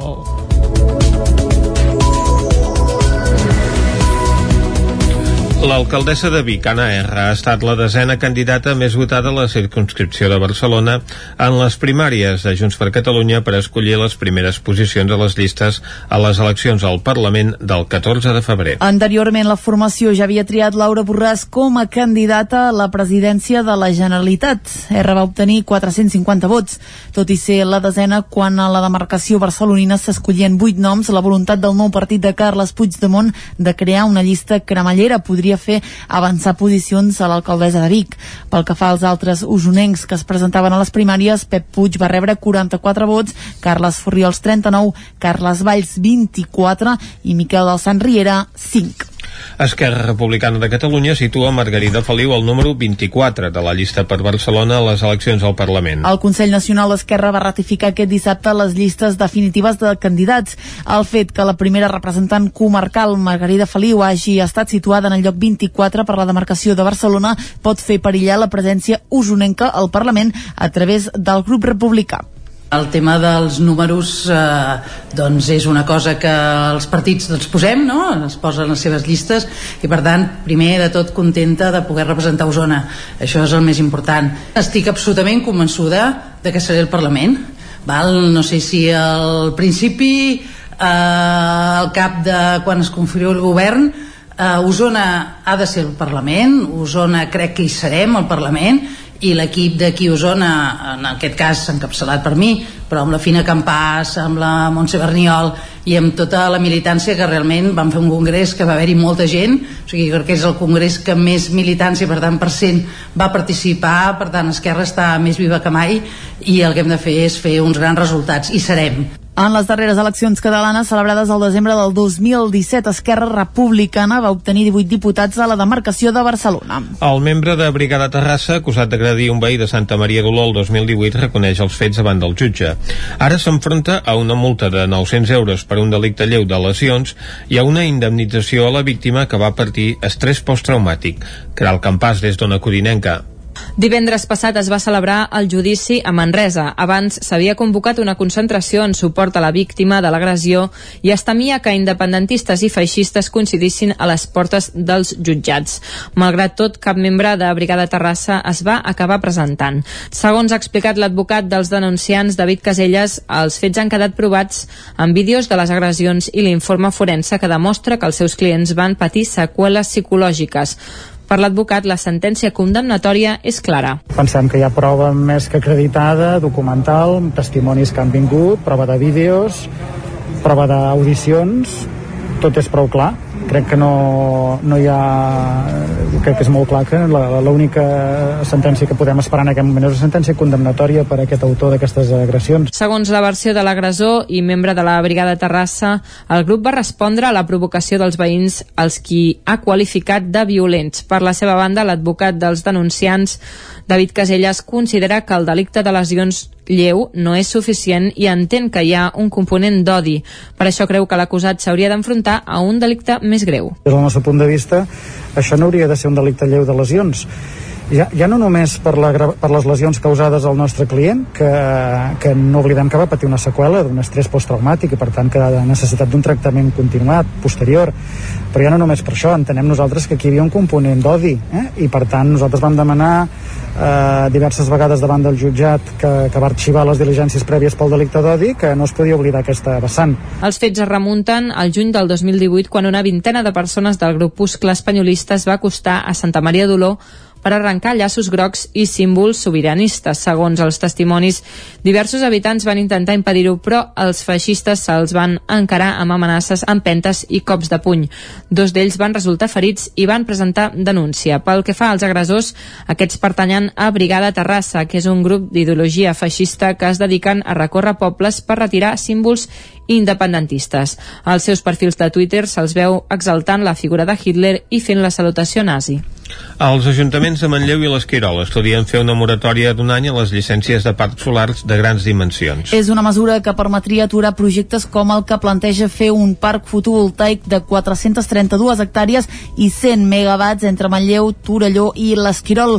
L'equip de govern de Manlleu plantejarà la moratòria als grups de l'oposició amb qui s'han de trobar aquest dimarts i també als ajuntaments del voltant i podria tenir en compte el POUM que s'està redactant. L'Esquirol també es planteja tirar endavant una moratòria similar.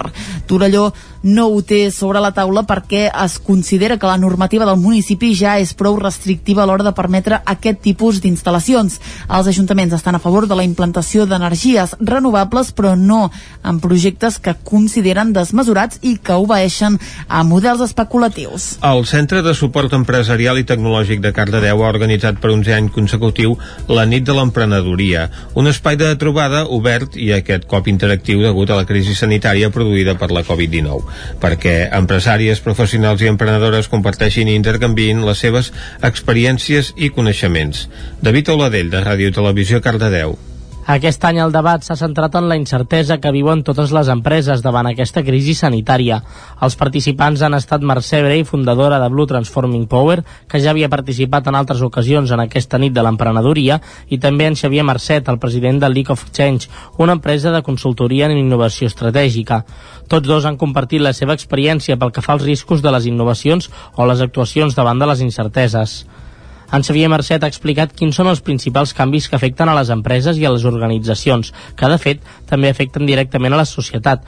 Un és, per exemple, la demografia i és que cada vegada hi ha menys naixements. Un altre seria l'emergència climàtica, que segons Mercet canviarà l'agenda mundial, o l'arribada d'internet, que ha canviat totalment la manera en què ens comuniquem, treballem o ens relacionem. Xavier Mercet, president de Lead to Change. El canvi que jo crec que viurem els propers temps és el que està vinculat a tot el món de les tecnologies que, que tenen a veure amb les dades Eh? Nosaltres ara estem acostumats a una internet que és una internet de persones i de coneixements, de persones pot ser el WhatsApp, o pot ser el Twitter, o pot ser qualsevol xarxa, eh? um, i de coneixements tot el que anem a buscar a Google. Eh? Però hi ha tot un internet que ja existeix, que és un internet que té a veure amb la, sensorització, la sensorització de tota la realitat. Gràcies al Big Data i a la intel·ligència artificial, totes aquestes dades que generen es poden analitzar i es poden ajudar a prevenir algunes coses. Tot i això, com explica la Mercè Brei, la vida és una incertesa constant i ens adonem d'això quan ho tenim a prop i durant tota la història s'han viscut situacions d'incertesa com a la Primera i la Segona Guerra Mundial, a l'atemptat de les Torres Bessones, la crisi immobiliària del 2008 o la pandèmia actual. Mercè Brei, fundadora de Blue Transforming Power. Dit això, crec que hi han dos elements que, que, que estan envoltant el terme, eh, el terme incertesa i més en els temps que estem ara, que són importants. Per un temps, per una banda, i també ho ha mencionat el Xavier d'alguna manera, és que la incertesa en aquests temps d'ara és més complexa perquè està globalitzada. El volum d'informació que rebem actualment les persones també afecta directament aquestes incerteses, ja que no som capaços d'analitzar tota la informació i destriar entre la que és veraç i la que no ho és. Aquesta nit de l'emprenedoria va finalitzar amb les preguntes del públic en línia, també empresaris i emprenedors que tenen dubtes sobre el seu futur. La nova guia comercial de Ripoll recopila més de 450 establiments. Isaac Muntades, des de la veu de Sant Joan.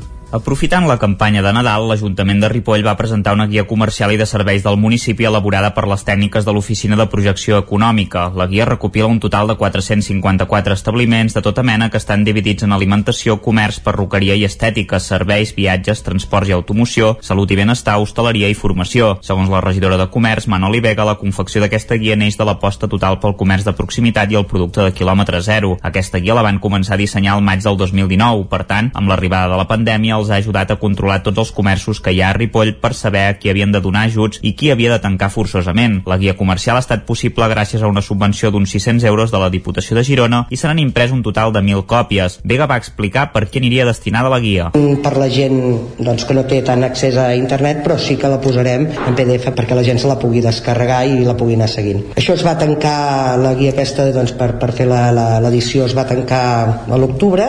En aquests mesos doncs, segurament hi ha hagut moviments d'altes i baixes. Tenim pensat doncs, durant cada mes, vale? a partir d'aquí, cada mes doncs, anar-la actualitzant. La guia també està pensada per la gent gran i es podrà adquirir en format físic fent una petició per telèfon al consistori que la farà arribar a l'interessat. D'altra banda, en el format digital del mapa desplegable de la guia es podrà clicar sobre de l'establiment per saber-ne les característiques. També hi haurà els enllaços per poder accedir a les xarxes socials dels establiments que en tinguin. Pel que fa a les activitats econòmiques de la vila, fins aquest mes de desembre s'han registrat un total de 34 nous negocis a la vila i només 14 baixes, unes xifres que signifiquen un saldo positiu de 20 negocis més que l'any 2019. Aquests nous establiments es desglossen en tres activitats comercials, una activitat empresarial, 20 activitats del sector de serveis, 7 canvis de titularitat de negocis i 3 ampliacions. Pel que fa a les baixes, n'hi ha dues que són activitats comercials, una pertanyent al sector empresarial, 4 activitats del sector serveis i 7 de canvis de titularitat de negocis.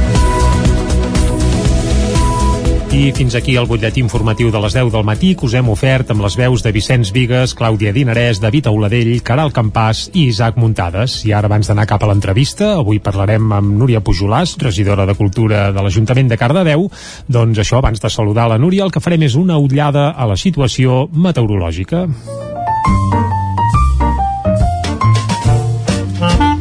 Casa Terradellos us ofereix el temps i qui ens porta la informació del temps, com sempre, és el Pep Acosta, qui ja saludem. Bon dia, Pep. Hola, Què tal? molt bon dia. I bona hora.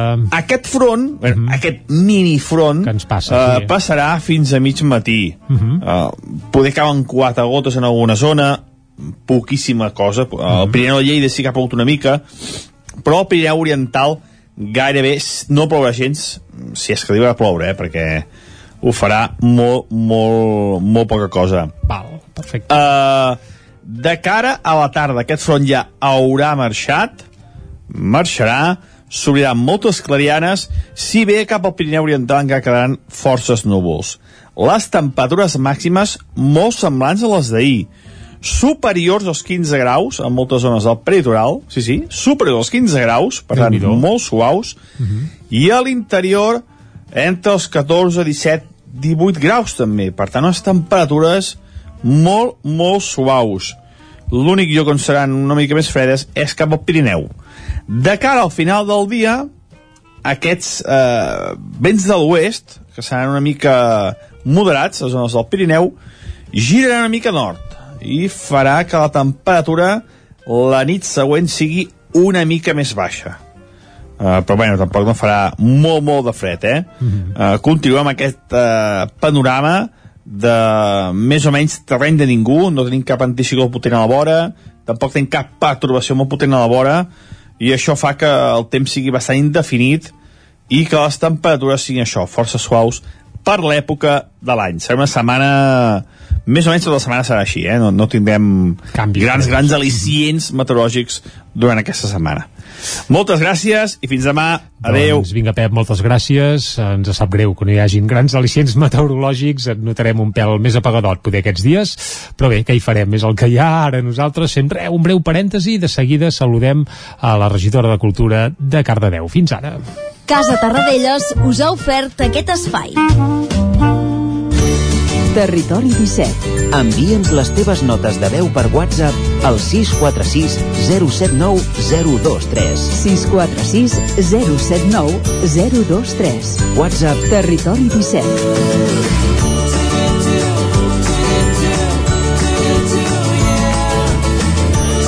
Territori 17. Som a Facebook, Twitter i Instagram amb l'usuari Territori 17.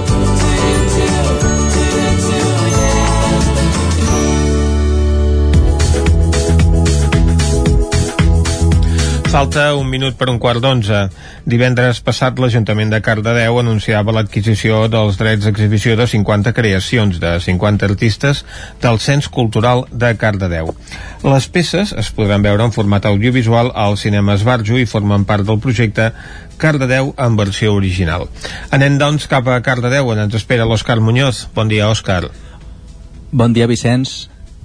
Doncs avui parlem per telèfon amb la regidora de Cultura, com heu dit abans, de l'Ajuntament de Cardedeu, Núria Pujolàs. Bon dia, Núria. Bon dia. Com hem dit, eh, us heu fet amb els drets d'exhibició de 50 creacions del Cens Cultural de Cardedeu. Ens podries explicar més o menys com funciona aquest Cens Cultural de Cardedeu, iniciats a finals de 2019, no?, més o menys? Sí, exacte. Vam engegar-lo a la tardor del 2019 la idea era anem a veure qui som professionalment en el món de la cultura a Cardedeu, bàsicament, i amb, des d'una visió àmplia amb moltes disciplines, crec que hi ha disciplines artístiques, i intentar veure tots els agents culturals que teníem al municipi. Llavors aquí doncs tenim actors, actrius, de llibreries, dissenyadors gràfics, gent que fa del món de l'audiovisual, eh, bé, moltes disciplines i en aquest cas d'aquests drets d'exhibició bàsicament hem seleccionat gent vinculada al món de la música i de la dansa. Que per nosaltres eren dos dels sectors que potser que han rebut la pandèmia d'una forma més dura per la falta de bolos, pel tancament de les seves activitats i també perquè normalment són autònoms discontinus en algunes ocasions que no, han, no, no han pogut tenir ajuts eh, doncs, doncs, doncs perquè no es donen d'alta quan van actuar i si no hi ha bolos pues no. Bé, i, i en aquest sentit hem intentat fer una proposta, projecte cultural però que alhora també fos una mica de suport sector professional de la dansa i de la música. Amb aquestes 50 creacions, com hem comentat abans, doncs es podran veure en format audiovisual. Al cinema Esbarjo, formen part del projecte Cardedeu en versió original. Explica'ns una mica de què va aquest projecte.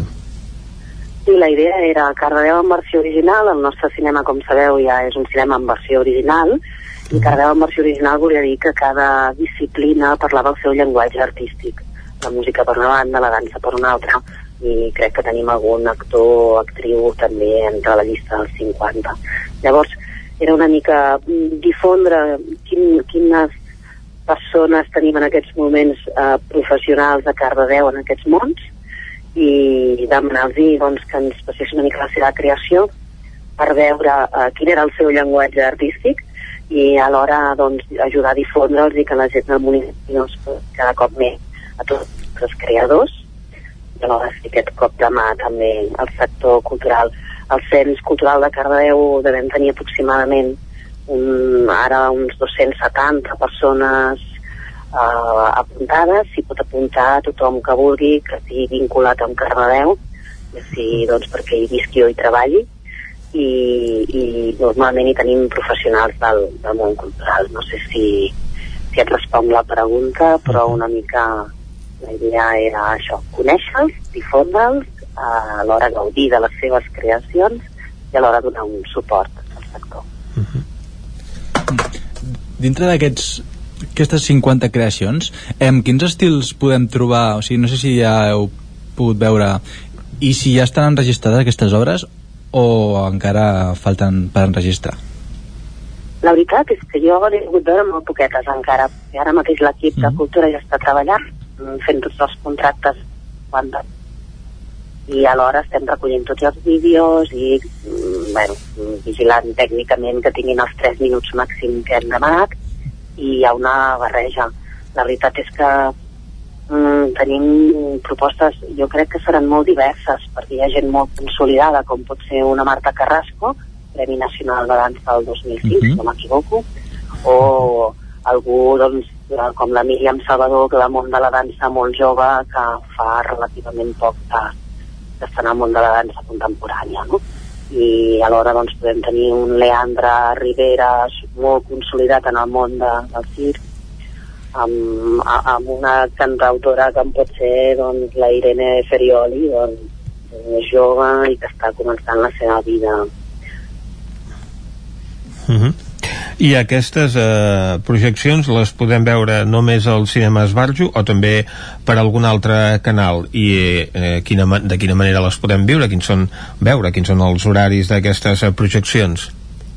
La idea serà que cada un d'aquests de 50 autors tindrà un cap de setmana de l'any que ve al cinema Esbarjo on abans de la, de, de la pel·lícula que passem uh -huh. es passarà el seu vídeo de 3 minuts Uh -huh. Llavors, eh, informarem a cada un d'aquests autors i autores de quin és el seu cap de setmana i alhora, en, el, en la majoria de casos, també en la televisió que tenim en el hall del Teatre Auditori de Cardedeu, uh -huh. doncs la gent s'està esperant traient l'entrada doncs, que també es puguin visualitzar des d'allà uh -huh. i en principi la intenció és aquesta, tampoc no voldríem abusar i voldríem ser justos amb el que hem donat uh -huh. I, Uh -huh. I bé, ens sembla que, que, que aquesta estem ponderant si, si podria haver-hi algun altre canal, però de moment tampoc no volem demanar més del que paguem.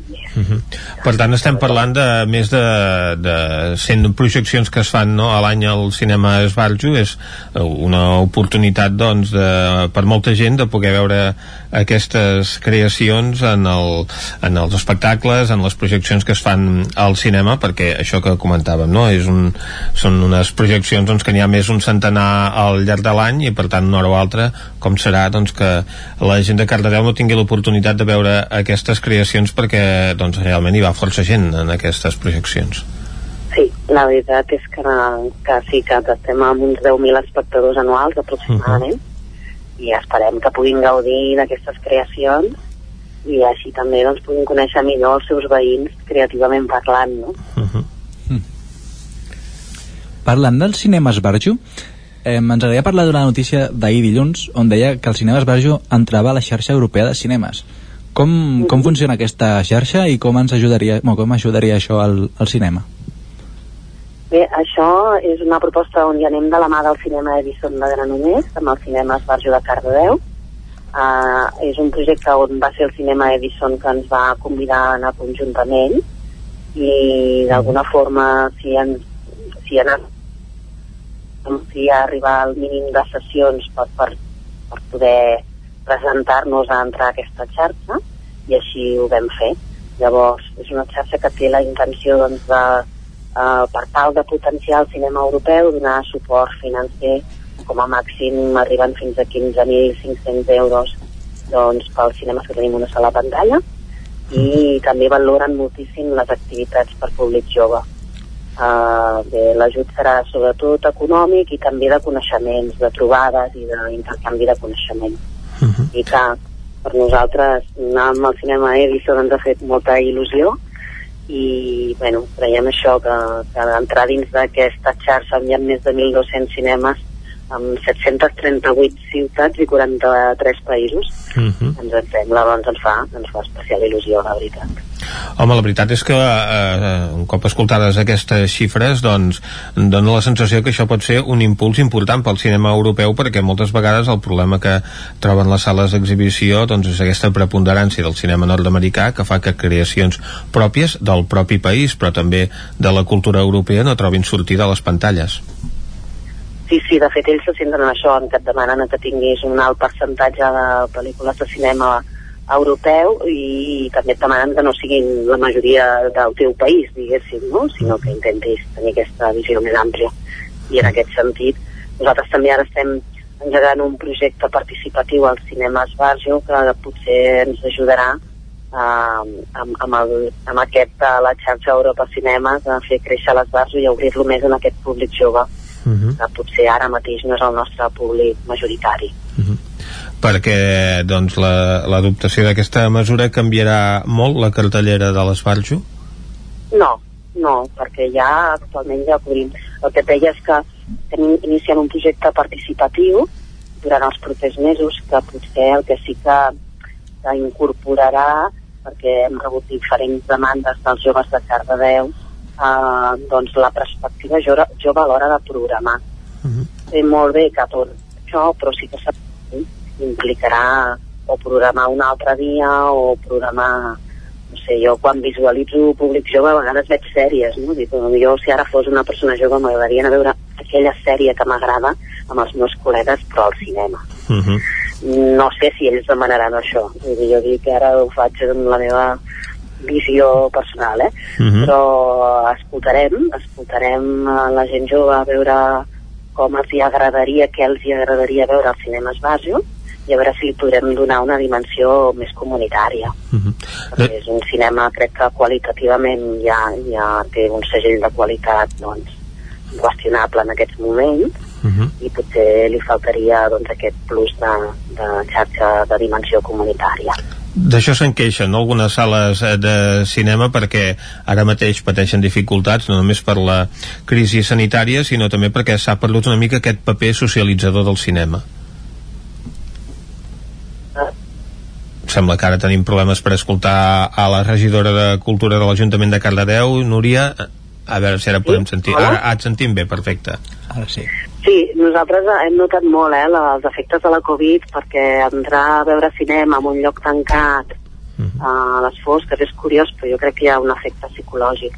I, i sí que és veritat que eh, el nostre públic té una mitjana d'edat eh, doncs, i, i potser això també ha condicionat i vam notar força un, un decrement de, de, dels espectadors després de la pandèmia, després de, de la jornada. Un dels objectius un dels objectius que tenia entrar a la xarxa europea de cinemes a part d'econòmicament eren també fer activitats per, per al públic jove em, quines activitats podríem veure o quines realitzareu per, a part de portar pel·lícules em, que els hi pugui agradar al jovent d'avui en dia quines altres activitats podríem fer dintre del cinema Esbarjo? Bueno, ara és el que estem, intent, estem intentant iniciar, no? aquesta escolta acti- activa a la gent jove uh, per veure quin tipus d'activitats uh, algú ens ha dit que també estaria bé doncs, veure alguna sèrie després doncs, comentada amb alguna xerrada després uh, però encara no hem rebut les demandes del que els agradaria, la veritat. O sigui que bàsicament el que farem serà escoltar i en funció dels recursos que té el cinema doncs mirar què podem fer i què podem encadir. Mm, jo crec que, el, el cinema bueno, ara, ara mateix són moments difícils per temes comunitaris perquè justament eh, és un moment molt difícil per la cultura perquè les aglomeracions no són possibles, perquè el menjar no és possible, perquè donar informació en mà no és possible, hi ha tota una sèrie de, de coses que fan que a vegades fa un feixuga imaginar la dimensió comunitària dels espais. No? Però esperem que això es vagi suavitzant i, i ells ens puguin demanar cinema alhora doncs, de, amb aquesta barreja amb comunitat. No? Núria Pujolàs, regidora de Cultura de Cardedeu, gràcies per acompanyar-nos avui esperem això, efectivament, que la situació es vagi normalitzant. Moltíssimes gràcies a vosaltres, que tingueu molt bon El nou FM, la ràdio de casa, al 92.8. Farmàcia Vilaplana. Productes de cosmètica de marca pròpia Lierac i Nux. Farmàcia Vilaplana. Vine a veure els nostres packs de productes d'higiene i cosmètica per a aquestes festes. Regala salut i bellesa als que més estimes. Farmàcia Vilaplana. Ens trobaràs a la plaça Major 17 de Vic i també a Facebook i Instagram. Només pensar en passar aquesta nit sense calefacció amb aquest fred. No es preocupi, hem analitzat a fons la caldera i de seguida quedarà reparada i en funcionament. Quan tingui un problema amb la seva caldera, vagi directament a la solució. Truqui sempre al servei tècnic oficial de Saunier Duval i despreocupis, perquè som fabricants i coneixem les nostres calderes peça a peça. Informis a Oficiat Nord trucant al 938860040. Saunier Duval, sempre al seu costat. Anuncia't al 9FM. La màquina de casa. 9 3 8 8 9 4 9 4 9. Publicitat arroba al 9FM.cat. Anuncia't al 9FM. La publicitat més eficaç. Pastisseria Atzavara obre les portes amb la besneta de Joan Cors. La quarta generació seguirà elaborant les famoses tortades i pastissos tradicionals. Com que ens apassiona el que fem, modernitzem els clàssics i fem coses noves perquè disfruteu cada dia. I per aquestes festes tenim torrons, coca de Nadal, packs per regalar, tortell de reis i molt més. Ens trobaràs al carrer Major 58 de Tona i a Instagram. Atzavara us desitja bones festes i feliç any nou. Òptica Visual Opti3. Regala qui estimis, visió, salut, protecció, prevenció i moda. Per tu, regala't una revisió visual completa. Visual Opti3, la teva òptica. Ens trobaràs a Facebook, Instagram, visualopti3.com i a la plaça Major 39 de Vic. Per estar bé a casa, vine a Mobles Verdolet. Sofàs, sales d'estudi, dormitoris, menjadors i molt més. Mobles fets a mida. Mobles Verdolet. Ens trobareu al carrer Morgades 14 de Vic i al carrer Nou 44 de Torelló i també a moblesverdolet.com. Mobles Verdolet us desitja bones festes. Cada territori té un atractiu o més d'un.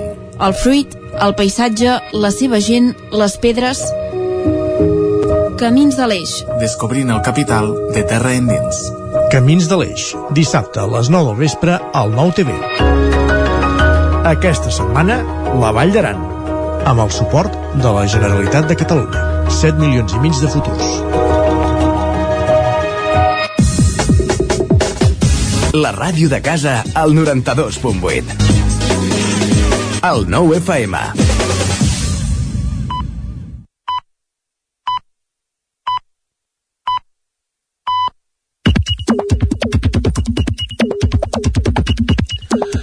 Són dos quarts onze, ara el que anem a fer és un repàs a l'actualitat a Twitter, com sempre ens la porta l'Isaac Moreno. Bon dia, Isaac.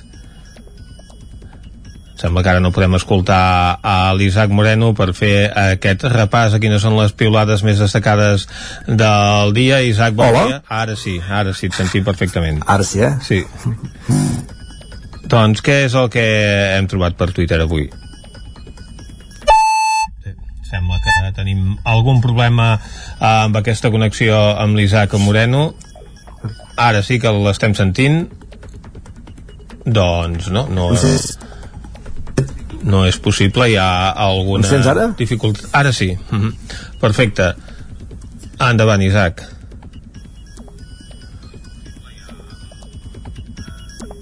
Doncs no és possible aquesta connexió perquè l'anem eh, sentint de forma interrompuda. Isaac, a veure si ara podem sentir millor. Xilent. Ara. Ara anem sentint. I Pep, Pep Palau piolava. Felicitats a tots els que heu aconseguit estrella en un any tan difícil com aquest. Enhorabona per la segona concedida, al restaurant Bòtic, al Cullerà de Pau, als Cinc Sentits. Felicitats, Albert, parabéns Doncs sembla que es va tallant aquesta connexió amb eh, l'Isaac Moreno, que ara mateix doncs, no ens pot eh, sentir, ni nosaltres el podem sentir en ell. El que farem és anar a la taula de redacció a parlar i analitzar temes d'actualitat, una taula de redacció que avui comptarà amb la participació de Víctor Palomar i d'en Guillem Freixa.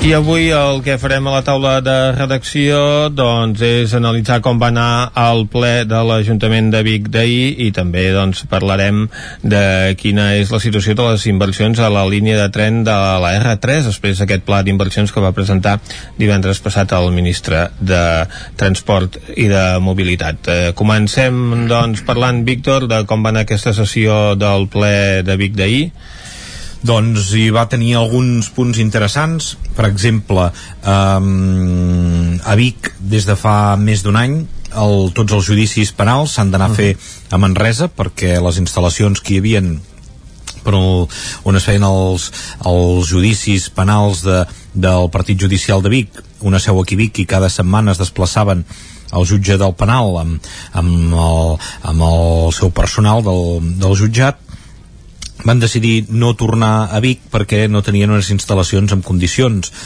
Es queixaven que l'estiu feia molta calor, l'hivern hi feia molt fred hi havia eh, tota mena d'incomoditats que feien doncs, que, que els jutges consideressin que no era eh, un lloc adequat i així eh, els van donar la raó també des del Tribunal Superior de Justícia de Catalunya i des de llavors tots els judicis es fan a Manresa. Des de l'Ajuntament de Vic han intentat eh, diferents maneres perquè mm, per revertir aquesta situació una va ser fer obres en aquest espai on es feien els judicis no n'hi no va haver prou uh -huh. i ara el que es va fer en el ple d'ahir va ser aprovar eh, unes obres eh, en un local que hi ha a la Ronda Camprodon per poder-hi ad eh, adaptar-la perquè es puguin fer aquests judicis. És una sala ampla, uh -huh. en una planta baixa que té accés també per la part posterior i per tant doncs, en tema de seguretat doncs, permet eh, l'entrada de detinguts i tot això doncs, eh, ha de permetre que els jutges eh, decideixin tornar a fer com han fet des de fa molts anys, des de fa més de 20 anys que cada setmana doncs, els jutges es desplaçaven de Manresa a Vic perquè recordem que el Partit Judicial de Vic depèn dels jutjats penals de Manresa eh, eh, i això obligava doncs això, que els jutges tenen el, físicament estan a Manresa i es desplaçaven cada cop aquí tot i que Vic eh, reclama des de fa molt temps també tenir un jutjat penal propi perquè els casos que, que hi ha així ho justifiquen. De fet, eh, hi ha més casos a Osona que al Bages i els casos que provenen del Partit Judicial de Vic eh, són més elevats que, que, que els de la resta i per tant justificaria tenir un jutjat penal propi però mentre no sigui així s'opta per aquesta opció de eh, que els jutges es desplacin i tenint aquest jutjat penal en condicions, doncs tot això s'ha de revertir. En el ple d'ahir també un altre acord important l'inici de les obres a les adoberies eh, 2 i 4, aquestes de, dues adoberies eh, són propietat municipal que l'Ajuntament va comprar i que han de servir una mica d'impuls a la reforma de tota aquesta zona de les adoberies. L'Ajuntament en va comprar dues, com totes estan en un estat bastant precari i s'hi han de fer obres i perquè es puguin utilitzar doncs ahir el ple va aprovar ja l'inici d'aquestes obres i aprovar el projecte perquè puguin començar aquestes obres un altre projecte que, que es desencalla eh, aquí on hi havia hagut eh, la benzinera de la pista es va acordar doncs, fer-hi un servei de dinamització d'aquesta zona a través d'una caseta on hi ha d'haver un bar i, eh, i fer-hi diferents activitats. Això era un acord que es va arribar amb Capgirem Vic en el mandat anterior i ara sembla doncs, que veurà la llum en breu ja físicament ja existeix l'edificació aquesta de fusta eh, i ara doncs, el que es fa és l'adjudicació del servei o l'inici del concurs per adjudicar el servei eh? s'hi poden presentar diferents entitats i s'ha fet un, un, les bases d'un concurs per adjudicar doncs, el servei aquest de bar i dinamització de la zona. No és només un bar, sinó que també eh, hi han d'haver activitats. I un, a les bases del concurs, doncs, mm, tu ja pots acabar dirigint una mica doncs, cap on vols que vagi la cosa, es premia molt les, eh, les activitats paral·leles que es fagin, no només doncs, que s'hi serveixin begudes, sinó també doncs, eh, aquest eh, caire més social amb dinamització de la zona, les activitats que promouran l'entitat que s'adjudiqui el servei d'aquest bar i també doncs, això, doncs, que els productes que s'hi serveixin eh, siguin ecològics, eh, en fi, mm, eh, ara s'obre el concurs perquè les diferents entitats s'hi puguin presentar. Això és una mica el que va donar de si eh, aquest ple, després també hi van haver mocions, unes mocions que, que no totes van tirar endavant, eh, hi va haver especialment polèmica per una que presentava eh, Capgirem Vic juntament amb, amb el grup de, dels estels silenciats que reclamen doncs, mesures per poder visitar eh, gent que té familiars a les residències. Eh, aquesta moció no va prosperar l'equip de govern no va votar en contra i va haver un intercanvi bastant dur de retrets entre eh, Capgirem i l'equip de govern amb qui donava més atenció a la gent gran en els seus programes electorals o qui se n'aprofitava només per anar a buscar el seu vot en el, en el moment que hi ha eleccions. En fi, va ser l'únic eh, punt eh, amb el to pujat o la discussió amb un to pujat d'un ple on la majoria de, de punts van poder tirar endavant. Molt bé, gràcies eh, Víctor per aquest resum del ple de l'Ajuntament de Vic i ara nosaltres anem a parlar del tren Guillem, un tren que va amb retard, si més no pel que fa a les inversions, aquestes que eternament es van prometent i que no es veuen mai. Sí, anem parlant eh, d'aquests retards tant a nivell eh, diari, no?, en, en els diversos serveis que utilitza, com també en aquesta planificació de desdoblament. El divendres es va presentar el Pla de Rodalies, un document que ha de recull les actuacions a desenvolupar en les Rodalies en la propera eh, dècada, en la dècada 2020-2030, i diguem el titular a la comarca d'Osona seria que aquest desdoblament de la R3 entre Vic i Centelles, entre el tram Vic i Centelles haurà d'esperar com a mínim el període 2026-2030 aquest uh -huh. pla de Rodalies que l'ha eh, coordinat Pere Macies mm, el mateix Macies destacava que és un pla molt pautat i també molt realista, que no vol fer volar coloms, que tot eh, s'ha determinat exactament eh, seguint els, els terminis de temps temps que, que es necessiten per fer cada cosa, no com anteriors, ell explicava que en anteriors plans de Rodalies doncs, es deien accions i es posaven xifres, però no es tenia en compte ni, ni tràmits administratius, ni estat d'aquestes possibles inversions, uh -huh. eh, no, es, eh, no es pautava massa res, en aquest cas eh, sí que s'ha volgut pautar més i això fa que aquest pla de Rodalies a 10 anys vista es divideixi en primer lloc en, en, en dos quinquenis, en dues uh -huh. fases de 5 anys.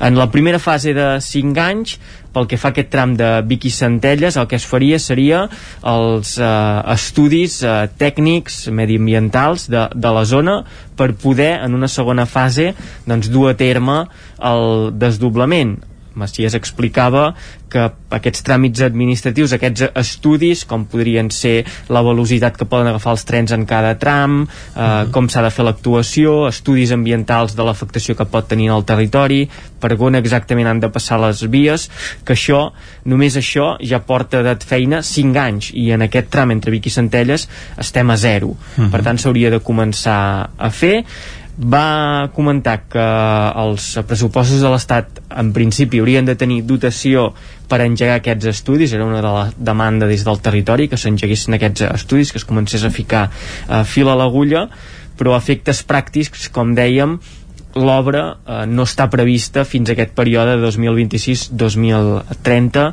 això tenint en compte eh, les demandes històriques del territori doncs fa que la paciència dels usuaris d'Osona i el Ripollès sobretot perquè són els més afectats són els que han de passar per aquest tram doncs eh, comenci ja a estar una mica fins a, fins a dalt de tot de, del, del bas en paral·lel sí que es faran actuacions per intentar treure profit a la línia. Aquest pla de Rodalies sí que eh, en el cas de la R3 sí que preveu diverses actuacions al llarg del recorregut fins a arribar a la capital catalana fins a Barcelona uh -huh. i això sí, això sí que podria ajudar eh, a guanyar agilitat, a guanyar eh, mm, pas de, de convois, eh, disminuir també el temps de trajecte fins a Barcelona.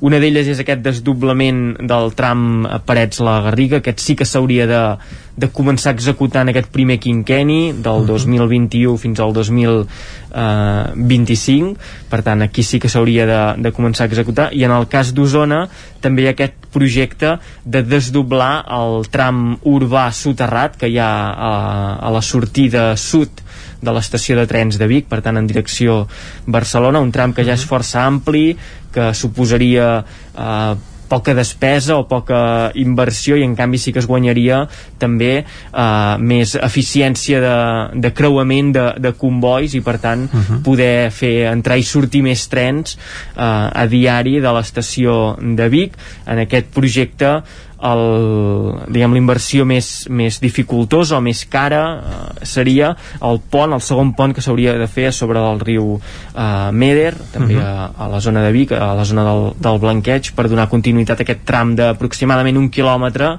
de desdoblament parcial a la sortida de Vic i que si s'executés permetria augmentar en un 14% l'entrada i sortida de, de trens. Això combinat amb el desdoblament entre Parets i la Garriga, amb les millores que també es preveuen en aquests primers 5 anys d'inversió, doncs hauria de facilitar una mica més la vida dels usuaris de la R3, tot uh -huh. i això, eh, aquesta obra entre eh, Vic i Centelles fins al 2026 no es començaria a executar i després encara quedarien pendents altres eh, trams dels quals de moment no, no se'n parla res, no? Eh, com és, eh, per exemple, entre la Garriga i Centelles, el tram del Congost, uh -huh. un dels eh, trams més eh, dificultosos d'intervenir-hi per l'estretó de la zona on hi passa el riu, la carretera, el tren, en un lloc molt petit, d'això no se'n parla, i també eh, el desdoblament de la línia al seu pas per eh, Mollet, on travessa uh -huh. zona urbana, i també s'haurà d'actuar amb bisturí,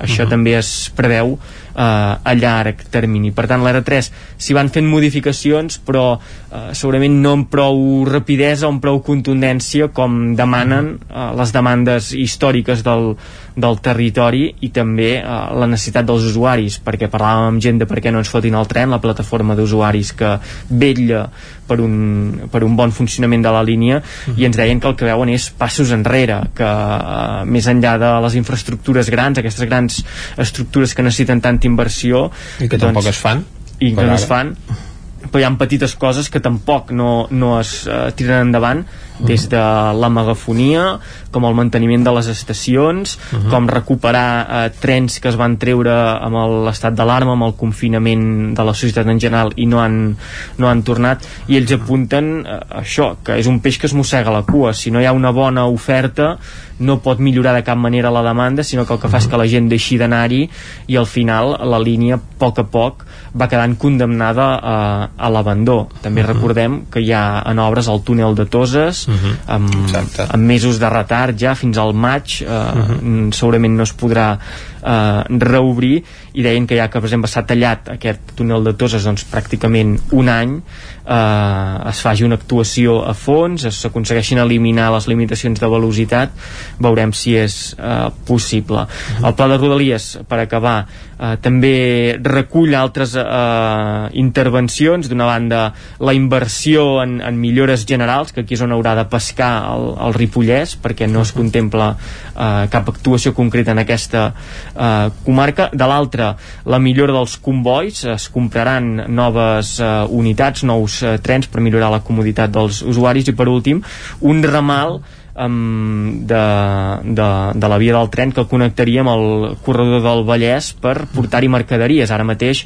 les, les empreses que utilitzen la línia per transportar mercaderies baixen per l'R3 uh -huh. i per anar al seu destí han de fer una volta uh, molt llarga, van, van explicar, per connectar amb aquest corredor del Vallès, que és una de les principals línies de, de mercaderies, i amb aquest ramal um, quedaria, quedaria solucionat, un ramal a l'alçada més o menys de, de Mollet, i ens apuntaven que un dels principals usuaris d'aquesta línia R3 eh, en mercaderies és eh, Casa Terradellas que ja fa uns anys va fer una aposta important per moure sobretot primeres matèries com el blat per llavors fer farina a través de la línia del tren. Per tant tenim eh, un esquelet que s'haurà d'anar eh, vestint diguem-ne com és aquest pla de Rodalies. Veurem si s'acaba si complint i de fet l'expressió del de, conseller de Territori i Sostenibilitat de la Generalitat de Catalunya Damià Calvet uh -huh. Era aquesta. Serà aquest el primer pla de Rodalies que eh, es faci realitat? Perquè recordem que ja se n'han anat fent, ja se n'han anat programant, però se n'han no desenvolupat complert cap ni molt menys. Exacte, un percentatge baixíssim. En teoria per aquests 10 anys ja han previstes unes inversions per un import de 6.345 milions d'euros. Veurem mm. com es desenvolupa perquè també dependrà del color polític que hi hagi a, a la Moncloa en aquest uh, mm -hmm. cas de mantenir l'aposta per, per Rodalies Molt bé, doncs gràcies eh, Guillem, ara nosaltres anem a repassar els tuits del dia Territori 17 doncs sí, Vicenç, abans hem tingut problemes de connexió, però ara em sembla que serà possible, eh? Per tant, saludem de nou a l'Isaac Moreno. Ah, exacte. Hola, ja sóc aquí. Molt bé, perfecte. Doncs ara et sentim bé. Endavant, doncs, Isaac. Com, ahir, com intentava dir abans, va ser una nit d'estrelles de, Michelin i, per exemple, uh -huh. hi havia felicitacions des d'un nou restaurant Pep Palau. Felicitats a tots els que heu aconseguit estrella en un any tan difícil com aquest. Enhorabona per la segona concedida al restaurant Bòtic, al restaurant Culler de Pau i els Cinc Sentits. Però no eren els únics premis gastronòmics amb els que es fixava i Pep Palau, que també piolava especialment content pel Premi Revelació Jordi Coromina de l'Horta de Tavertet, que ha acordat avui l'Acadèmia Catalana de Gastronomia. Això era en el marc del Premi Nacional de, de Gastronomia. Uh -huh. Més qüestions. La Gemma Permanyer diu una altra cosa positiva de treballar a casa. Donar-me'n que la gent que va a casa dels veïns truca a casa, a casa meva. Ara ja no em sento culpable que els meus amics sempre truquin al pis de davant. Sí, és un habitual. Molt bé.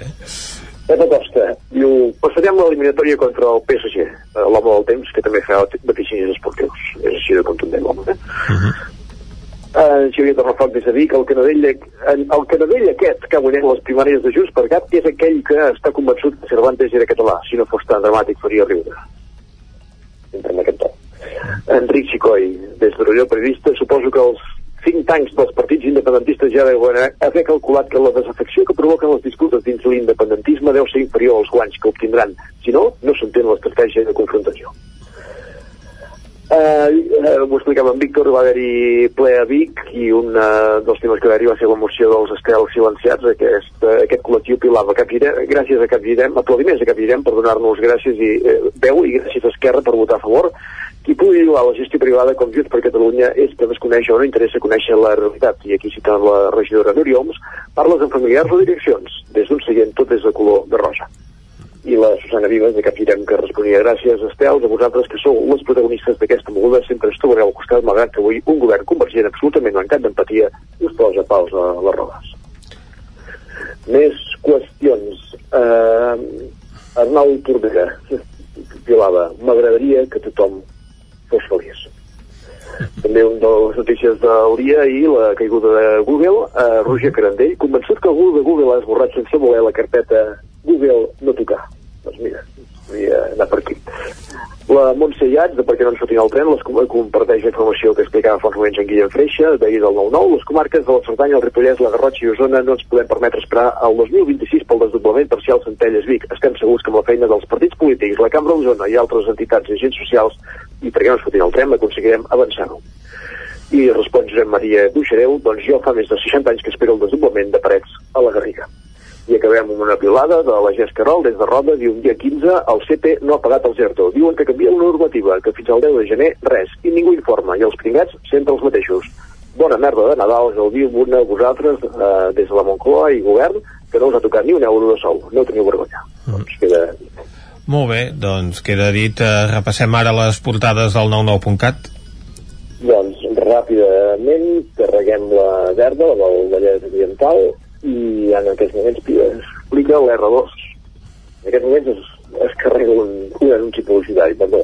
L'R2 tindrà una tercera via de Barcelona a Mollet Sant Fost. Ferran Garcia Sevilla estrena la humanitat al casino de Granollers front comú de les administracions per aconseguir fons europeus per millorar el riu Besòs i el seu entorn i un vianant de Manat fora atropellat per un camió de la C-59 a Caldes que l'edició vermella, la d'Osona i el Ripollès les defuncions de la primera onada tripliquen, les de la segona a Osona, però al Ripollès la tendència és inversa. El sector de la restauració respira amb l'entrada en vigor del confinament comarcal i Salut farà un cribatge intensiu de dos dies a Ripoll amb testos antigènics per tal de detectar simptomàtics de Covid. Molt bé, doncs gràcies per aquest repàs, Isaac, i fins demà.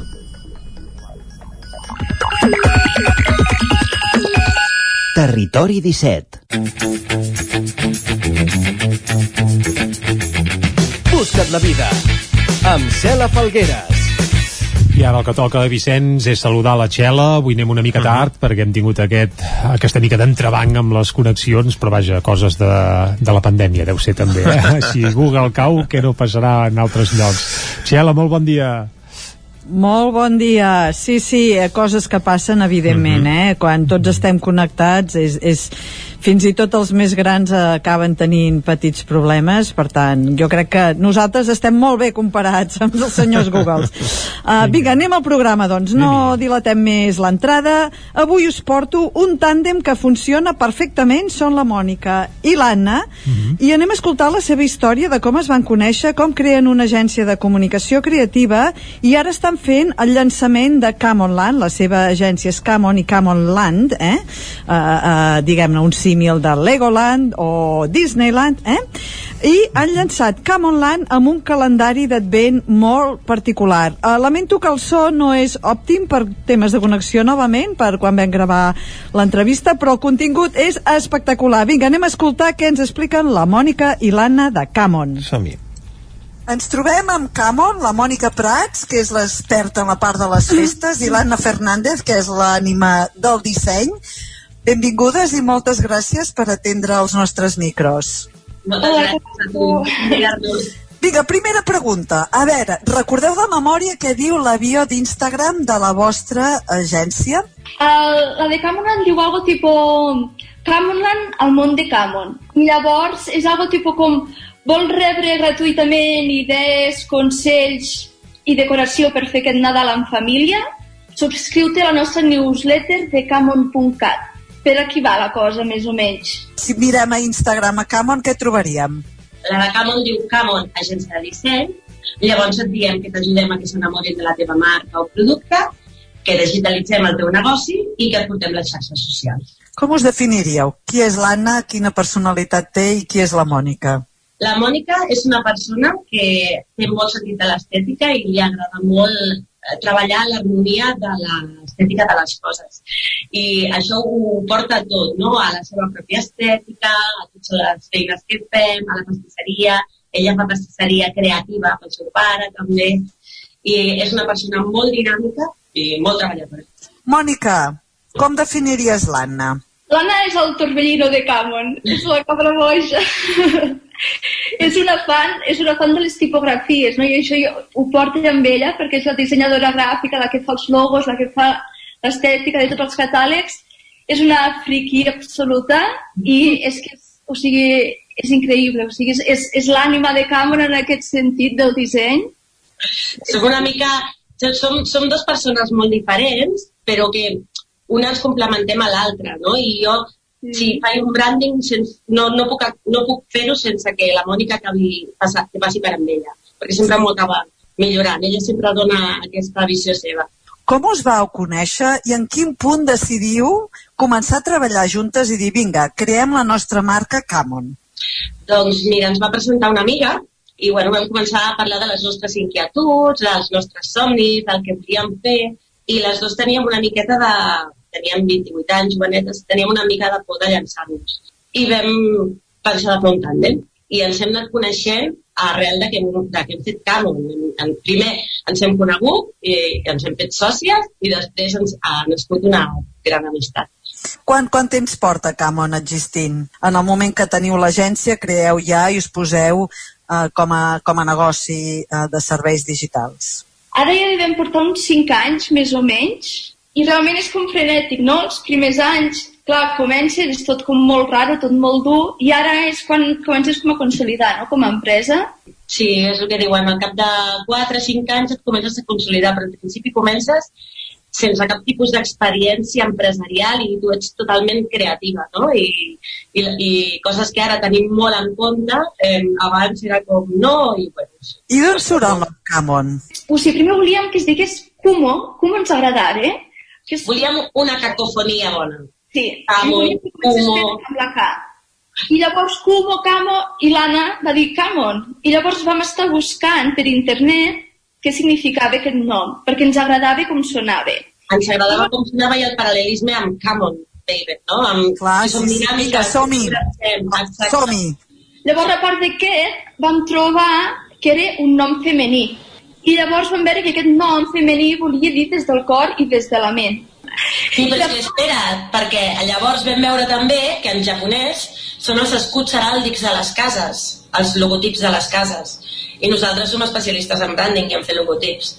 I vam dir, és que havia de ser.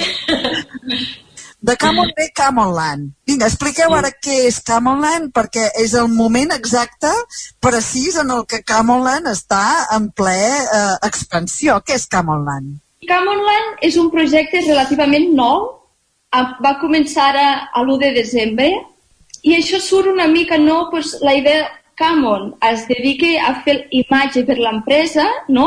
per ajudar a vendre i l'apartat de festes que teníem a Camon, que ara, vulguis o no, tot el tema aquest, ha quedat molt minso, no?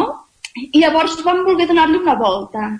Llavors va sortir Camonland, que Camon no deixa de ser un món de Camon, no? La nostra visió, el nostre estil de vida, i el que volem és ajudar les persones amb la nostra imatge i l'estil que nosaltres fiquem a les coses perquè la gent es senti més bé a casa seva, a l'entorn que crei. No? De cares a les festes, diguem-ne. Sí, o sigui, ara és a les festes, però després això continuarà amb la vida quotidiana. Ara per clar, ara podríem dir, Mònica, que és com un calendari d'advent amb els vostres consells i, i les Sí. vostres idees perquè la gent durant aquests dies, eh, en, en mode de, en comptes de menjar la xocolatina, me dones un, un, una idea, un suggeriment, uh, una cosa per tenir també aquesta sorpresa de què obriré en el calendari d'advent de Camonland. I un descarregable cada dia. El que, el que ha dissenyat la Mònica, el que hem dissenyat conjuntament, però la, la Mònica és la que porta tot l'apartat de Camonland i ha tingut la idea principal, és aquest calendari d'advent on cada dia eh, enviem un descarregable. Però és que són descarregables que prèviament s'han dissenyat tota la paleta de colors i aquest, aquests descarregables són per fer tota la decoració de casa. I és com el llançament, hem volgut fer el llançament de Camonland amb aquest calendari d'advent. Per tant, tothom ha d'anar a Camonland, que està a Instagram, i començar a descarregar-se això i fins al dia 25 ens anireu donant les petites píndoles de sorpreses i pensaments i aquests descarregables, correcte? Bueno, per descarregar-s'ho han de vindre a la nostra pàgina web i inscriure's a la newsletter. Perquè a Instagram trobaran els vídeos, que els ensenyem com fer-ho. Però per, perquè els enviem el descarregable s'han d'inscriure a camon.cat. Molt bé, camon.cat, K-A-M-O-N.cat, eh? I el- l'Instagram és arroba Camonland Store. Molt bé, ho posarem referenciat perquè tothom ho pugui trobar. Quin ha sigut el millor i el pitjor moment uh, en Camonland?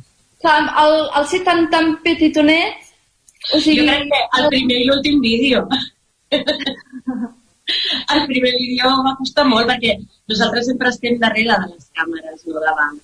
Llavors, da darrere el que vulguis, mm, molta experiència, però davant costa, costa. I el primer vídeo ens va costar, per mi, eh? Per, per mi. I l'últim, eh, crec que també ha estat un... Bueno, ja hem acabat de gravar, ja tenim tota una part feta. Mònica, què t'emportes tu d'aquesta aventura del Camp Online que potser és una idea creativa que veu tenir un vespre parlant i, i que dius, ui, ara ja, ja hi som pel mig, no?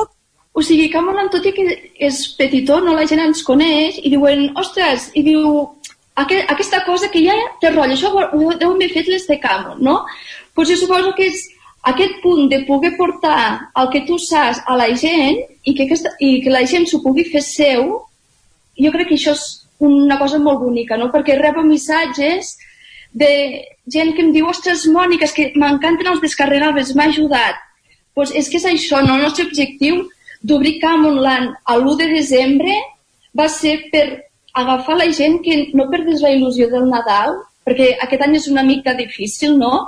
I volíem aportar el nostre granet de sorra i demostrar a la gent que amb poca cosa, però amb estil, perquè realment l'únic que fem és imprimir paper, poden transformar casa seva i aquest entorn afavorir-los a l'estat d'ànim. Jo, per mi, si aconsegueixo això, o només una rialla, o sigui, això és el meu premi. El pitjor moment és el primer vídeo, ho vaig passar fatal, molts nervis, i ara el miro i m'amago sota el llit. Sí, sí. Jo no he mirat més. no l'he mirat. Però bueno, sempre deia, no, el 24 estarà més bé. I Sí, està. Evidentment. El 24 llançarem un, un bon vídeo. Un vídeo que, que Ara- l'agradarem a la Amb la rialla segur aquell dia. Sí. Per unes professionals joves en el món del disseny digital, idees creatius, quina importància tenen les xarxes socials per a la captació dels clients o per comunicar-vos amb els vostres clients? Uf, en el nostre cas, quasi tota, vull dir, quasi tota la comunicació que fem amb els nostres clients eh, és a través de xarxes socials i captació també, a través de xarxes socials i, i la pàgina web. Les coses han canviat moltíssim. Quina és la que creieu que us, us dona més resultats? Ara mateix nosaltres amb Camonland tenim Facebook i Instagram Instagram és el que té més, més feedback, no? Suposo que si tinguéssim YouTube llavors és diferent. Que el tenim, eh? Però vull dir, no està gaire treballat encara. Ara mateix Instagram. Però sé que si es treballa bé un YouTube, el YouTube tira molt. I amb Camon també tira Instagram, però hem de començar a tirar més LinkedIn. LinkedIn. És el vostre repte pel 2021. Sí, a, a, nivell, a nivell de Camon, a nivell d'agència estratègica, perquè l'Instagram el tenim molt consolidat, eh, el que passa que a, a través del LinkedIn crec que podrem arribar molt més a, al target que volem assolir aquest 2021. Clar, ara la gent, el, el que es consumeix és molt vídeo. La gent no vol llegir, la gent no li facis pensar, la gent explica-li, no? I, o sigui, Camoland, o com qualsevol empresa del món mundial, jo crec que ja hem de fer el canvi de xip, no? I amb el Covid tot això s'ha adelantat molt.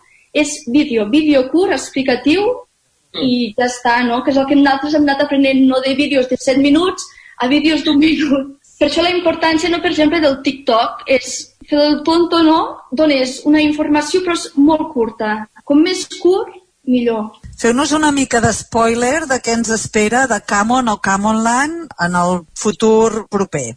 A nivell de Camon, el primer que volem fer al 2021 és això, és que la gent assumeixi que tenim Camon, que és l'agència, que realment a través de Camon ja ens dedicarem única i exclusivament a la comunicació i al disseny estratègic per les empreses, pels nostres clients i futurs clients, i que hi ha Camonland. Hi ha, hi ha aquesta separació de- d'ambdós, però que es retroalimenten. Comunicar això creiem que és molt important perquè són dos targets molt diferents.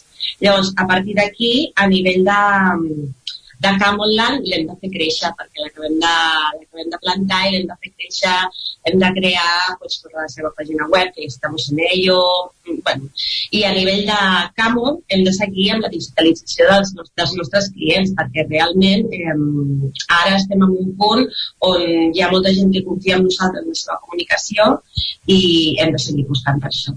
I per noves tecnologies com és el vídeo que hem incorporat eh, recentment. Mònica, que, quins plans tens tu pel futur professional? Una mica, Camonland és molt petit, jo suposo que serà una plataforma una mica com d'estil de vida Camon, on d'alguna manera ens abocarem a la gent i que la gent ens digui què vol i els hi donarem. Els, els hi donarem tips, els donarem maneres d'arreglar les coses de casa. No? Jo sóc interiorista, no? a vegades un espai ben ordenat, simplement, els mateixos mobles i tot, ja et fa sentir millor, no? És que tot això neix de que nosaltres ara no tenim local físic, però l'hem tingut durant gairebé fins, a, fins que va començar el Covid. I realment nosaltres amb Camon, la gent cada Nadal doncs fèiem fèiem el Nadal Camon, no? la gent ens ho demana, aquests tips, aquests consells, aquestes coses ens ho demanaven com a agència.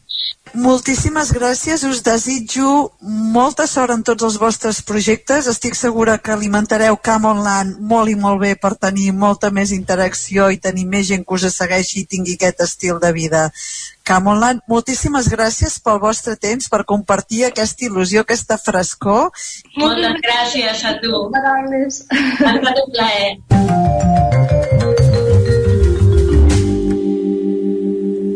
L'app d'aquesta setmana és ideal per, és ideal per poder fer karaokes amb distància social i aprofitant un estil que sembla molt al TikTok. Eh, us parlo de Smule, una app gratuïta amb opcions de compra que està disponible tant per Android com a iOS. És una app per fer karaoke, com us dic, online. Té més de 10 milions de cançons per triar.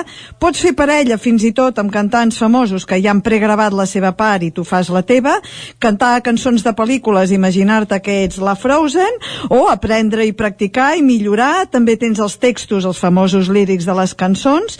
El vaig provar, per mi, eh, potser perquè no sóc el públic target, té massa components i sovint la pantalla m'estava demanant contínuament que paguéssim, passés a Premium per poder cantar jo sola o practicar jo sola. Evidentment no volia començar a practicar amb altra gent si no sabia ni què havia de fer.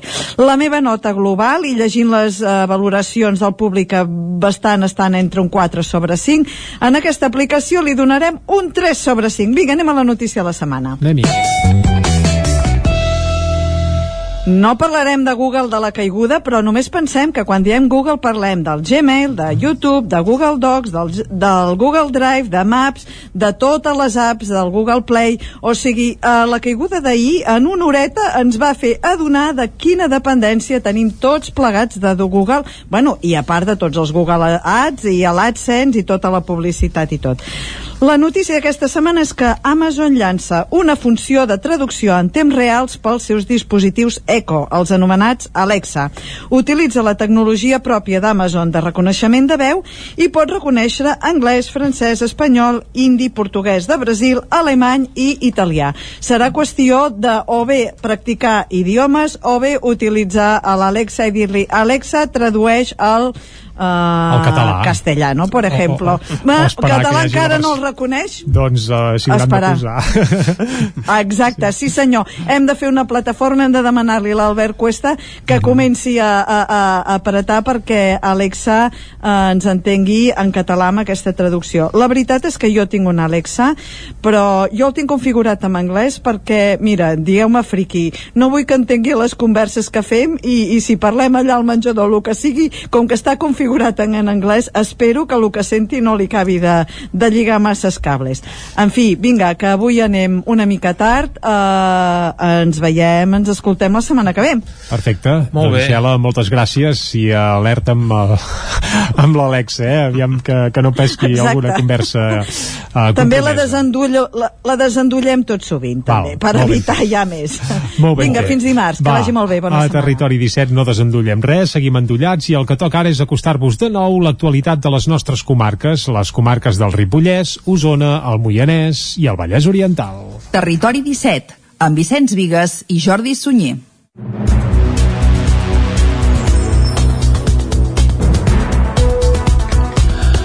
La campanya de vacunació contra la Covid-19 començarà a mitjans de gener. Així mateix ho va anunciar el ministre de Sanitat, Salvador Illa, aquest dilluns. Sanitat espera que l'Agència Europea del Medicament aprovi la vacuna de Pfizer, que ja ha estat aprovat d'altres països el 29 de desembre, i la de Moderna el 12 de gener. La campanya es durà a terme per fases i, segons Illa, les dosis no arribaran de cop, però n'hi haurà per tothom. A l'estat d'entrada li pertoquen 140 milions de vacunes per immunitzar a 80 milions de persones. El ministre també va recordar que l'Estat segueix l'estratègia de vacunació europea i, per tant, està a expenses de l'aprovació definitiva de les vacunes per part de l'Agència Europea del Medicament. Illa també va insistir en el caràcter progressiu de l'estratègia de vacunació a l'Estat que començarà pel personal sanitari i els col·lectius més vulnerables al virus. El confinament de cap de setmana passarà a ser municipal, de ser municipal a ser comarcal. És el pas que més anhelava el sector de la restauració i que figura a la llista de canvis que van entrar en vigor a partir d'aquest dilluns.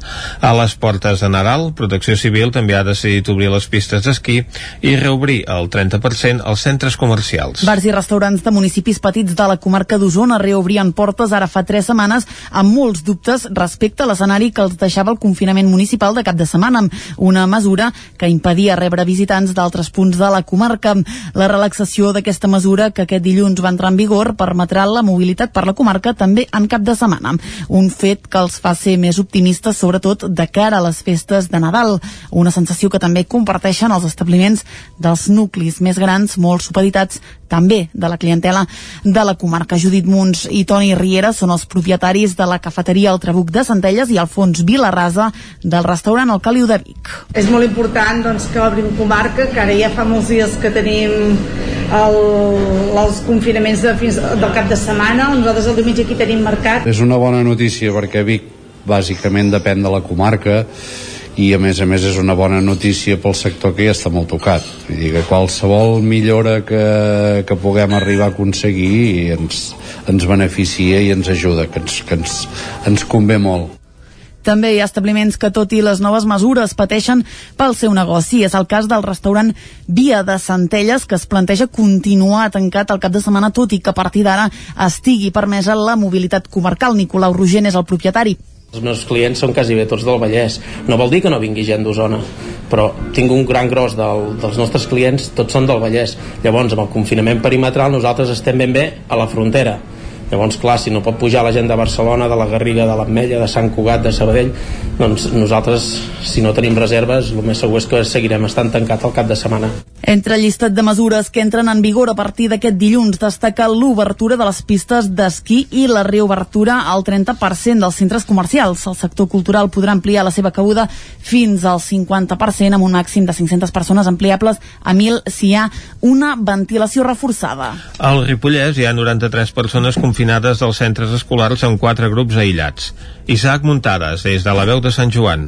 Tot i el creixement de la Covid-19 al Ripollès per culpa de l'aparició de diversos brots arreu de la comarca, la situació dels centres educatius ha millorat i actualment només hi ha quatre grups escolars en quarantena amb un total de 93 persones afectades. Segons les dades del portal Traça Covid del Departament d'Educació de la Generalitat de Catalunya, el centre més afectat del Ripollès és l'Institut Abat Oliva de Ripoll, que ara mateix té un grup de segon de batxillerat de 2B i una part del 2C confinats amb un total de 45 alumnes i que ja no es preveu que tornin fins passades les vacances de Nadal. Això sí, els 77 alumnes aïllats aïllats de les classes 4-1 de quart d'ESO, 2-2 de segon d'ESO i 3-2 de tercer d'ESO s'han pogut reincorporar a les classes presencials aquest dimarts. A Ripoll és on hi ha una de les altres quatre classes confinades del Ripollès, ja que l'escola Tomàrrega ara mateix té una aula amb 28 alumnes i dos docents aïllada després de detectar-se un cas positiu. En canvi, els 17 alumnes i el docent que estaven confinats als Salesians per un parell de casos positius ja han pogut tornar a classe. A l'Institut Escola Mestre Andreu de Sant Joan de les Abadeses també s'ha hagut d'aïllar un total de 16 alumnes de 6è B de primària després que cinc nens donessin positiu per coronavirus i que en principi no tornaran a l'escola fins al dia 21, que és l'últim dia lectiu abans d'acabar l'any. Les bones notícies són a Camprodon, on 25 persones de l'escola Doctor Robert, que estaven aïllades després de detectar-se dos positius entre l'alumnat, ja van poder tornar a classe aquest dilluns. Això sí, encara hi ha un alumne i un professor aïllats per un cas positiu. En canvi, ja han acabat el seu aïllament els dos alumnes de l'Institut Germans Vilarriera de Camprodon.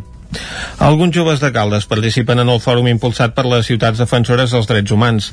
Caral Campàs, des d'Ona Codinenca. Amb motiu del Dia Internacional dels Drets Humans, els grups de tercer d'ESO de l'Institut Pic del Vent i l'Espai Jove al Toc de Caldes van participar la setmana passada en el fòrum virtual que va organitzar l'entitat Ciutats Defensores dels Drets Humans. Aquesta organització, de la qual forma part la Vila de Caldes, va haver de reformular el seu programa a causa de la pandèmia Covid-19 per tal de celebrar la signatura de la Declaració dels Drets Humans de 1948.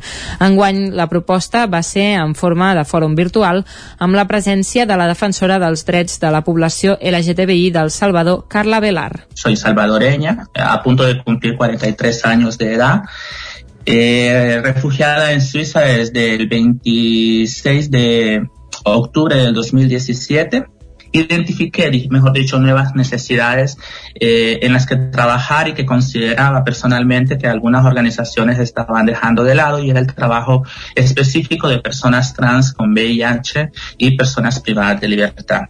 El debat es va dur a terme dijous al matí i, a part dels alumnes calderins, hi van participar membres dels centres educatius de la resta de municipis adherits a l'entitat organitzadora. Tenint en compte l'ocupació de la ponent Carla Velar, la sessió es va centrar en els drets del col·lectiu LGTBI, en especial en els de les persones trans. La dinamització de l'acte va anar a càrrec de la Comissió Catalana d'Ajuda al Refugiat. Després de totes les complicacions imposades per la Covid-19, finalment s'ha pogut dur a terme el Festival de Cinema de Terror a Cardedeu i s'ha fet el lliurament dels Premis Finestra de Book Trailers amb la biblioteca. David Oladell, de Ràdio Televisió, Cardedeu. El Cardo Terror, el Festival de Cinema de Terror de Cardedeu, ajornat al mes d'octubre, s'ha pogut celebrar ara al desembre al Cinema Esbarjo amb un 50% de l'aforament. Per obrir l'edició han apostat de nou pel programa Marea Nocturna, amb la gravació d'un podcast especial a l'Esbarjo amb la temàtica de la sèrie B.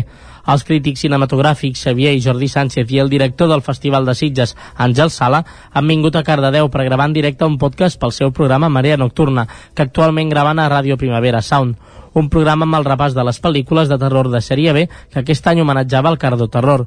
David Jordan, director de programació del Cardo Terror. Són una petita mostra de lo que és el, el, el cinema de sèrie B, ja que també era una edició més petita.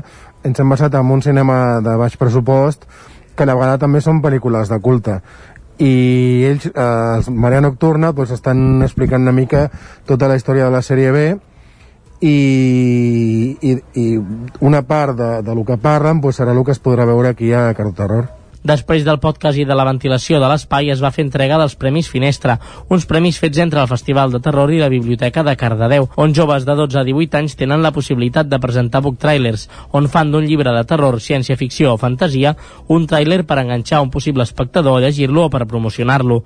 Aquest any els guanyadors han estat 13 dies en l'oscuritat i a més a més aquest any s'han afegit la categoria de més 18, on va guanyar el book trailer de Raven. I fins aquí el butlletí informatiu, que avui ha entrat un pèl tard, però que com sempre hem fet amb les veus de Vicenç Vigues, Clàudia Dinarès, David Auladell, Caral Campàs i Isaac Muntades. Ara el que ens toca és parlar d'economia amb el Joan Carles Arredondo.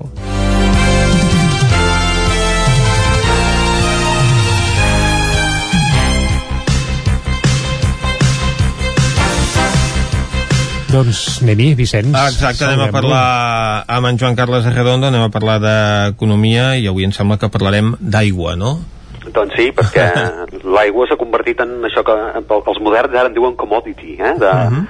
del que els clàssics en deien primera matèria eh, almenys quan a mi m'ensenyaven els pocs, els pocs conceptes d'economia que, que, que, que, que conec en deien primera matèria però ara, ara es veu que s'ha de dir commodity uh -huh.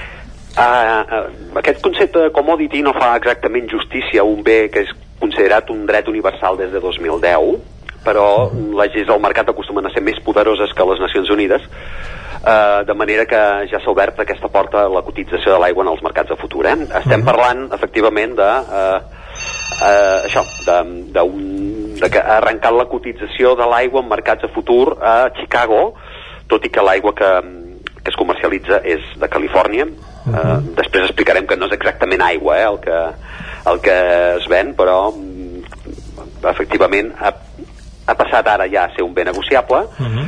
i eh, això també ho han estat altres béns eh, considerats bàsics eh, com, com els mateixos aliments amb resultats eh, clarament diríem qüestionables en el sentit que no és agosarat concloure que som més favorables a aquestes, aquests moviments són més favorables per als inversors que no pas pels consumidors uh -huh. especialment si aquests consumidors són de països pobres mm, doncs eh, això eh, el que explicàvem el que es comercialitza en els mercats de futur que és el que, el que es fa normalment amb, aquesta, amb aquestes commodities es fa amb el petroli es fa amb l'arròs es fa amb, amb l'acer eh? eh doncs eh, aquesta vegada el que es comercialitza no és exactament l'aigua, sinó els drets d'ús dels drets d'ús utilitzats, ja ho diré, eh?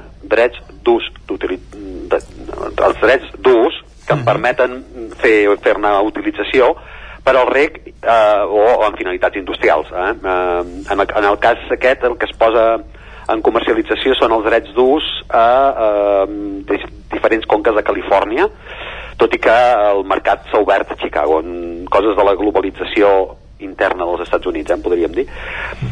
Uh, um, doncs, um, què, què suposa això de, uh, de, que es comercialitzin aquests, aquests que, que l'aigua formi part dels mercats de futur? Doncs uh, suposa l'establiment de contractes que fixen el preu del producte, eh, en aquest cas l'aigua, en un temps determinat. A Califòrnia s'ha establert com a base la mitjana dels preus d'ús d'aigua en les zones eh, de, de, de Califòrnia amb més contractació des del 2018. Aquesta base són ara 486 dòlars per 1,2 milions de litres, un cop fetes les equivalències rares, de, perquè les, les, les mesures americanes són una mica rares, eh? Uh -huh. eh allà en diuen acre peu, però ven a ser, ven a ser això, eh? 1,2 milions de litres. Doncs a partir d'aquests 486 dòlars es començarà a marcar les cotitzacions en l'operativa habitual d'aquest mercat de futurs. Tot això passa ara als Estats Units eh, i concretament a Califòrnia, que és una àrea del planeta afectada amb més freqüències amb sequeres i en la qual les fluctuacions de preu mm, acaben tenint més oscil·lacions en funció de si les pluges han estat eh, més generoses o menys.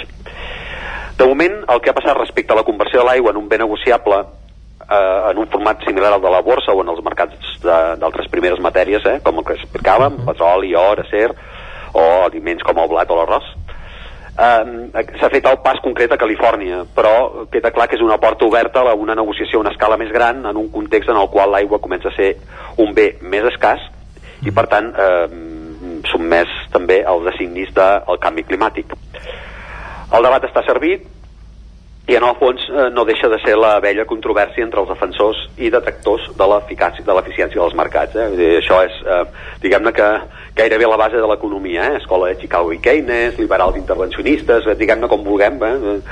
Hi ha un seguit d'economistes que defensen que el mercat és eficient en si mateix i que per tant tot es posa en ordre i en canvi qui considera que el mercat l'únic que provoca és més caos eh, so- sobre els productes eh.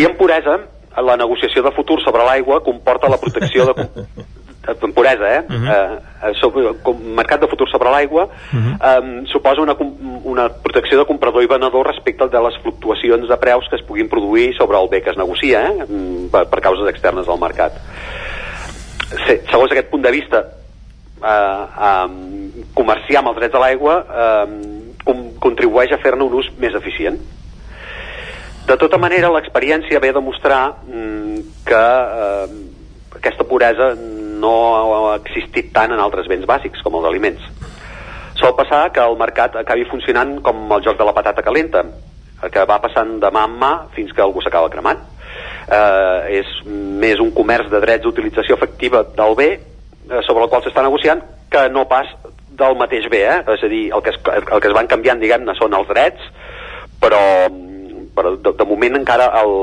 el, el producte no el veus, no? I, i això és el que, el que va passar, per exemple, eh, en plena crisi financera global, fa una dècada, quan la comercialització de productes alimentaris en els mercats de futur va ser un factor determinant en el seu increment de preu. Eh? Recordem, en parlàvem molt, de com els països pobres havien de patir eh, els efectes de que s'estiguessin intercanviant eh, els drets de, de, de la collita d'arròs mm, de l'any següent, no? I, i que això acabava encarint, diguem els productes. La conversió de l'aigua en, en una pura mercaderia en els mercats financers de moment en un estat americà, però no cal ser evident per estar previngut d'una eventual generalització, no deixa de ser una successió lògica.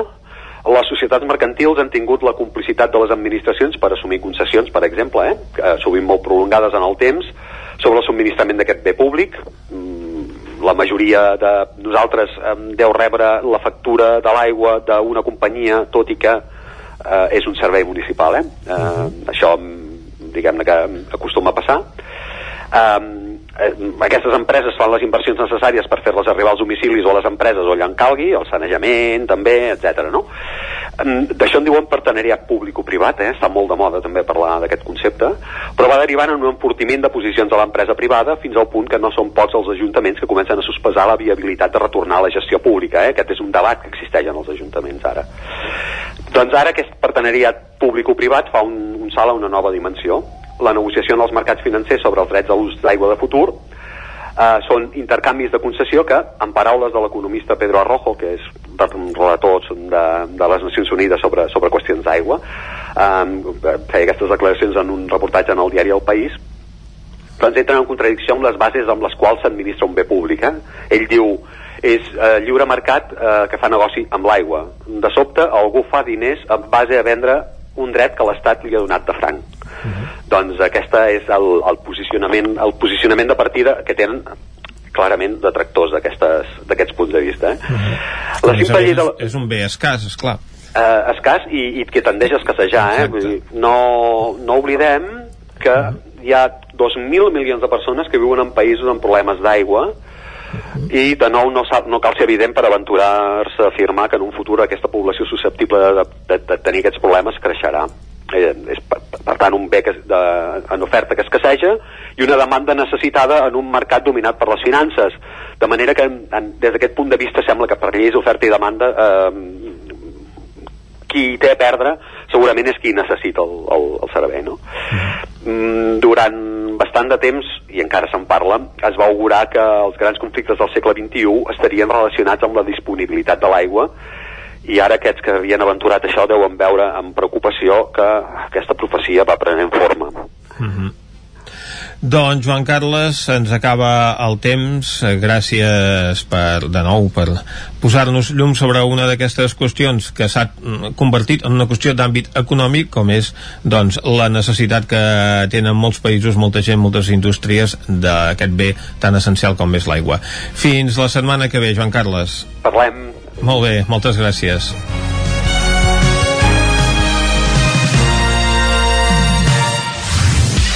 El nou FM, el nou FM.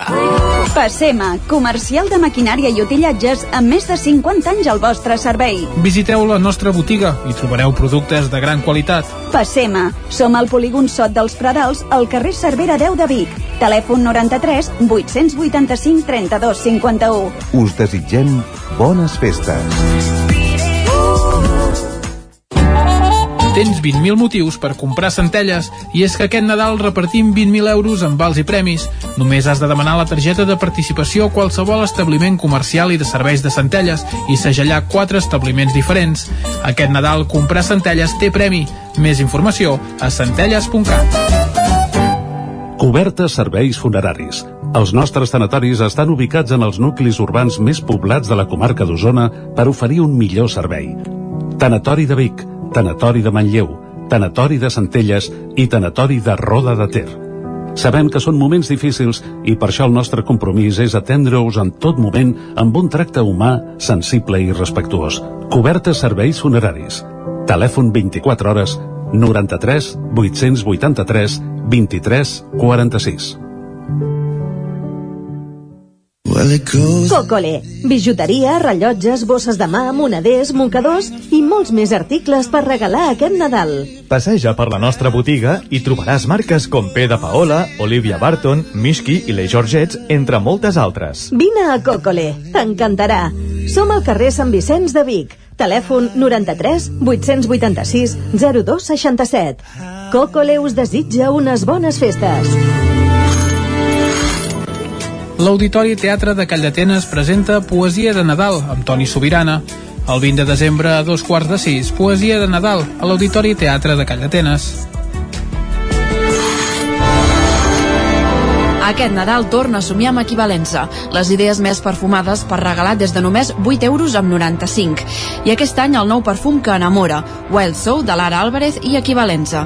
Més de 130 fragàncies, sets de cura facial i ambientació per a la llar t'estan esperant a Equivalenza Vic, al carrer Pla de Balanyà 29 de Vic. Cada territori té un atractiu o més d'un. El fruit, el paisatge, la seva gent, les pedres... Camins de l'Eix. Descobrint el capital de terra endins. Camins de l'Eix. Dissabte a les 9 del vespre al 9 TV. Aquesta setmana, la Vall d'Aran. Amb el suport de la Generalitat de Catalunya. 7 milions i mig de futurs. El 9 FM, la ràdio de casa, al 92.8.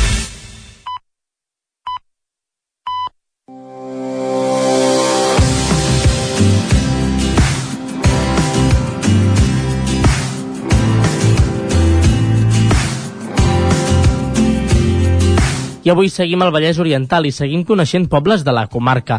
Avui la Susana Cabiscola ens apropa a Cànoves i Samalús. Cànoves i Samalús és un municipi de la comarca del Vallès Oriental, situat a la falda del Parc Natural del Montseny. Destaca pels seus paisatges, camins i corriols que descobreixen els cims que hi ha al darrere, com la Roca Centella, el Suí i la Serra dels Palestrins. Però sense anar tan lluny, també es poden trobar llocs com el Pantà de Vallforners, on es pot arribar a través del camí fluvial Antoni Crous, creuant boscos majestuosos, o visitar el castanyer centenari de Can Cuc, on s'hi pot entrar dins. Si visiteu Cànoves i Samalús, també podreu fer un viatge en el temps fins a l'època dels íbers i dels romans per descobrir la ciutat perduda de Lauro i també podreu conèixer més a prop el món medieval gràcies a les petites esglésies romàniques de Sant Mus i Sant Andreu o el castell de Cànoves que sorprèn per la seva situació ensotada i poc visible i també del castell d'Ambori, d'origen medieval que sembla sortit d'un conte de fades. Declarat bé cultural i d'interès nacional l'any 1949, es tracta d'una antiga masia que a principis del segle XX es va reformar i transformar en un fantàstic castell que sorprèn a tothom qui entra al municipi per la part de Samalús. D'entre les fires i festes que destaquen del municipi de Cànoves i Samalús trobem la Festa de la Carbonera, una mostra de carboneig que es realitza de manera bianual i on s'explica tot el procés de carboneig des de la tria de la llenya fins a la venda de carbó. Durant tot un mes es realitzen activitats directament vinculades a la fabricació del carbó, la difusió de rutes per la zona, exposició d'eines i fotografies antigues o la projecció de documentals. Un dels actes més esperats de l'any és el Festival del Gamarús, un concurs de playback que se celebra pel mes de setembre. Un complet show on hi poden participar gent de totes les edats i de manera individual o col·lectiva, amb només una finalitat, fer gaudir al públic.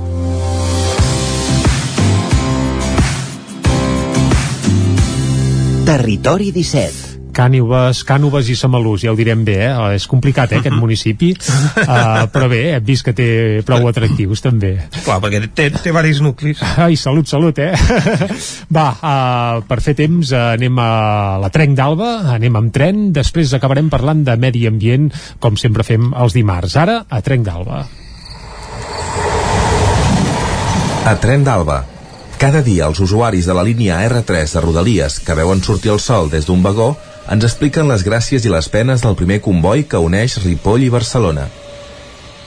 Benvinguts a Tren d'Alba. Avui us explicaré el penúltim capítol del fil de la plataforma perquè no ens fotin el tren sobre la línia internacional de l'R3 i és que resulta que a l'estació de la Tour de Carol no hi ha servei de venda de bitllets de rodalies, de manera que els viatgers internacionals que venen de França i continuen cap a Catalunya han de comprar el bitllet al revisor i si no porten diners en efectiu poden ser expulsats del tren. A més, no cal dir que el tall ferroviari entre la Tour de Carol i Ribes de Freser per les obres al túnel de Toses fan aquests viatges encara més llargs i difícils. Un autèntic desastre. Bé, us deixo ja amb la crònica de la Núria Gil per veure com li ha anat el viatge avui. Bon dia des de l'R3. Acabo d'arribar a Torre Baró per variar 18 minuts tard, però avui m'ha passat una cosa que també fa mantenir la fe en la humanitat i en les bones persones. Resulta que he anat per variar, com cada dia, a la taquilla a demanar a la devolució del bitllet. Avui la senyora de l'estació ja m'esperava dient que ja s'ho imaginava que hi tornaria a anar perquè hi vaig cada dia i que avui ja m'ho tenia a punt. O sigui, la, la bona dona, com que ja sabia quina hora surt el tren de Vic, quin número de tren és, a quina hora arribava, etc. ja s'ha anticipat, ja em tenia el bitllet devolució a punt perquè ja havia trucat a l'estació o a qui li ha de donar permís i ja havia avançat feina, o sigui que avui no he hagut d'esperar-me gens. Bueno, de tant en tant les coses també flueixen. Sentiu aquest soroll? És el tren bala. Hauria d'haver arribat amb una diferència de 20 minuts? Doncs no, no cal, perquè com que he arribat tan tard, ja ha passat el tren bala també. A més a més d'això, què us puc explicar del trajecte? Doncs a veure, el trajecte avui ha sigut més tranquil. La veritat és que només hi havia dos o tres futbolistes, estaven moderats, han estat escoltant les seves coses amb els auriculars, per fi han recordat agafar auriculars. Una cosa curiosa que sento sovint i que no sé com s'ha de resoldre és que la locució diu no permanezcan al borde de l'andén i jo sempre que ho sento penso, a veure, ningú els ha ensenyat aquesta bona gent que s'hauria de parlar en positiu en lloc de donar idees. En lloc de dir no permanezcan al borde, podrien dir sitúense más lejos del andén o, no sé, en positiu. Si no, també donem idees. A part d'això, hi havia un home amb una mena de tablet molt més gran que l'habitual, eh, fent disseny de moda, estava fent uns vestits. Ha estat curiós de veure perquè la veritat és que al tren no sols veure gent que estiguin fent aquestes coses. També hi havia una senyora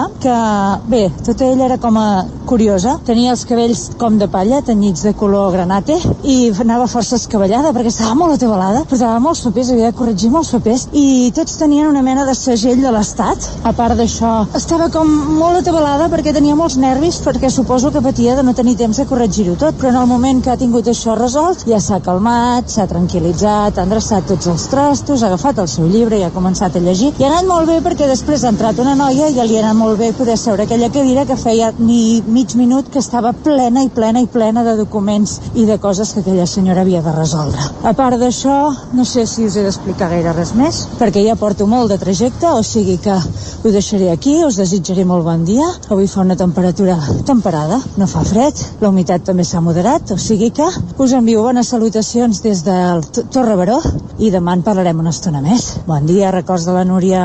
Doncs bé, ja veieu que encara queden bones persones que saben que el tren va malament i ja tenen a punt la devolució express. Va, ens retrobem demà i recordeu que ja portem un retard acumulat de 7 hores i 23 minuts des de l'inici d'aquest mes de setembre. Territori 17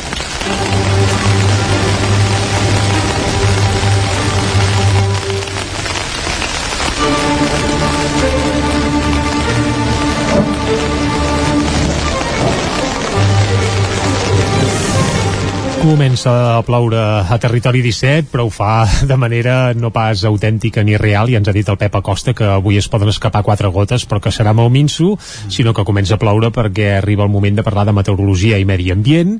Un cop al mes ens visiten els companys de l'Agència de l'Energia d'Osona, i avui, eh, evidentment, també ens visiten. No ho farà el Gil Salvant, sinó que avui ens acompanyarà el Joan Canó de l'Agència de l'Energia d'Osona. Joan, molt bon dia. Hola, bon dia. I amb el Joan el que volem fer, Vicenç, és parlar una mica de la factura mm, de la llum, de les factures de l'electricitat que tenim a casa. Que és complicat. Sí, és molt complicat, perquè entendre bé la factura de la llum eh, és molt important per comprendre no només què paguem, sinó també eh, per prendre decisions que poden afectar l'eficiència energètica tant de la llar com també la capacitat d'adaptar el consum real a les necessitats que tenim a casa.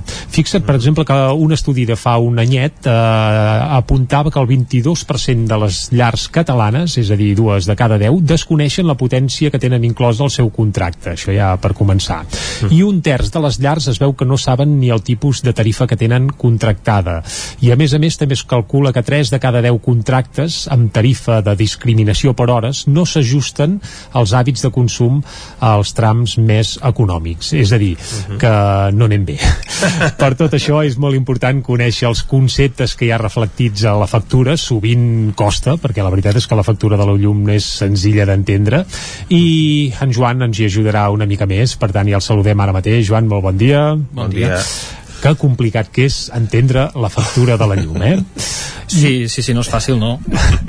I a més a més, eh, el primer que hem de saber és que el que paguem no és el que consumim, sinó que aquí hi ha molts i molts d'altres eh, números, xifres, etc etc. A molts grans trets, quin seria el percentatge de consum del total de la factura que ens arriba a casa? Bé, eh, evidentment això depèn molt de, de, com has comentat, de la potència contractada, de, del consum que, que té una, un habitatge, perquè depèn molt de si tens calefacció elèctrica, si no tens calefacció elèctrica, de quin tipus de- d'equips de, eh, tens consumidors a casa, però així a grans trets, una família tipus, podríem parlar que el 50% eh, del cost de la factura correspon al consum, al consum real, al consum que has gastat, i l'altre 50% eh, acabarien sent doncs, la potència contractada, que és els termes fixes, o impostos serien uh, l'altre 50% eh, restant de, de, de la factura. Impostos, més o menys, que, que podríem anar al 40%, potser? No, no, clar, eh, els impostos eh, sol ser el 21% d'IVA de la, de la factura més el 5% de l'impost elèctric. Aleshores, clar, això és proporcional sempre al consum i a la potència contractada. Mm, Jo crec que del 50% restant eh, que hem dit que, que corresponia a impostos i terme fixe o terme de potència, no sé, que sigui un 25%, un 30%. Ah, és curiós que la factura de la llum vagi amb un IVA tan elevat quan és un bé en principi de primera necessitat. Això a altres països del nostre entorn passa igual o, o és un cas espanyol només? Mm, jo, eh, majoritàriament és un cas espanyol de fet el subministrament elèctric igual que l'aigua són eh, bé essencials de primera necessitat i de fet ja és una miqueta estrany que estigui en mans de no sé si tenen monopolis però sí d'empreses privades que pràcticament tenen el monopoli Uh, hi ha alguna experiència com és el cas de Barcelona, de l'Ajuntament de Barcelona que està començant a fer les primeres comercialitzadores eh, uh, elèctriques públiques i a més està constituint alguna plataforma uh, per impulsar la, uh, la remunicipalització de les xarxes de distribucions elèctriques considerem que es considera que això és un bé, de prim, de, un bé essencial, un bé de primera necessitat i així com amb l'aigua s'està intentant recuperar aquesta municipalització aquesta gestió pública propietat i gestió pública mm, seria recomanable també en el cas de l'electricitat Clar, perquè el primer que hauríem d'entendre o diferenciar és què és una comercialitzadora i què és una distribuïdora, eh? De Exacte. distribuïdores n'hi ha moltes, sí. o, o no, vaja, no sé. Bueno, hi ha més comercialitzadores que distribuïdores. I comercialitzadores també, però Sí. quina és la diferència entre aquests dos conceptes? Qui distribueix i qui comercialitza, o qui pot fer cadascuna de les dues coses? Les distribuïdores són les empreses que, que ens fan arribar l'electricitat a casa. Eh? Dit vulgarment, perquè la gent ens entengui, eh, els cables, el cablejat que veiem eh, en, el, en el poble, en el municipi, i que ens arriba a casa nostra amb el comptador, eh, això és una empresa distribuïdora. Per tant, això no ho triem, eh? Això, Això hi ha no. el que hi ha i, sí. i pel dret. Exacte, això no, és, això no es tria, això ve de, eh, en el seu moment, quines empreses van començar a fer aquesta extensió de cablejat, eh, anys A, eh, i, i bueno, aquestes empreses, per exemple, aquí, aquí a la comarca d'Osona tenim Estavanell, que, hi ha un, que, que ocupa una part del municipi, de la comarca, i l'altra part eh, majoritàriament és Endesa, vale? que és la que antigament es deia FEXA. de FEXA, exacte. Sí. I va, excepte hi ha una excepció molt excepcional que és Centelles, que és electrodistribució, que és pública, vale? que és de l'Ajuntament, que seria una miqueta el model eh, pel qual eh, cada vegada hi ha més gent que reclama.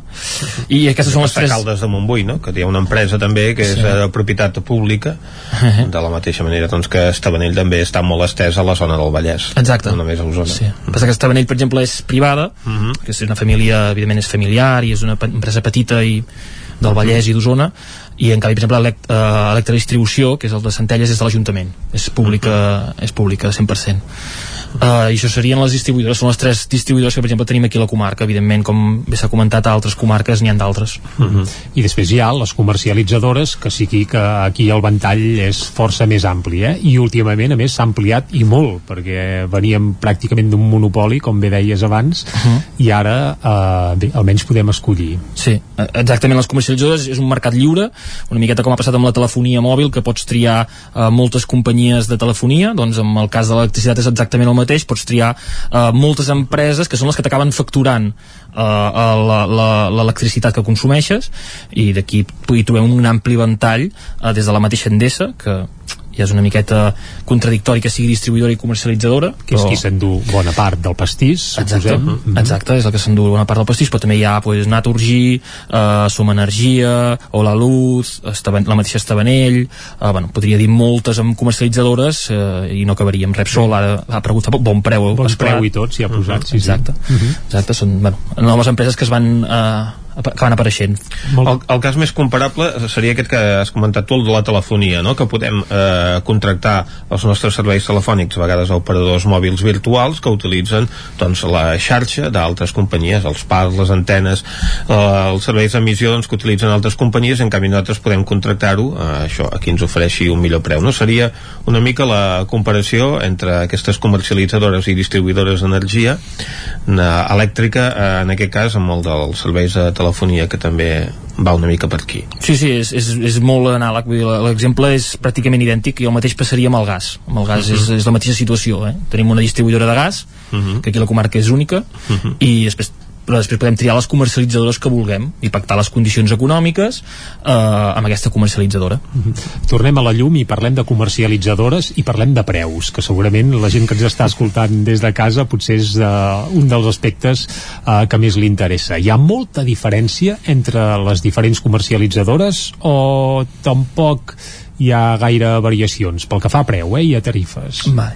Aquí el primer, que, el primer que s'hauria d'explicar de tot és que hi ha dos tipus de comercialitzadores. Mhm. Les comercialitzadores d'últim recurs i les comercialitzadores de mercat lliure. La, el gran nombre de comercialitzadores que, hem, que han sortit aquí el nom sobre la taula són de mercat lliure. Per tant, això implica que estàs a mercat lliure. Per tant, depèn d'un contracte eh, unilateral entre la comercialitzadora i l'usuari.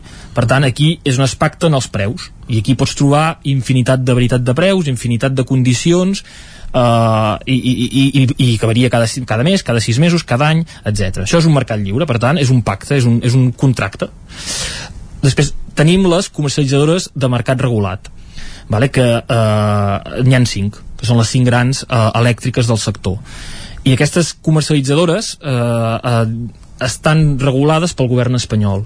Per tant, és el govern espanyol qui fixa les condicions.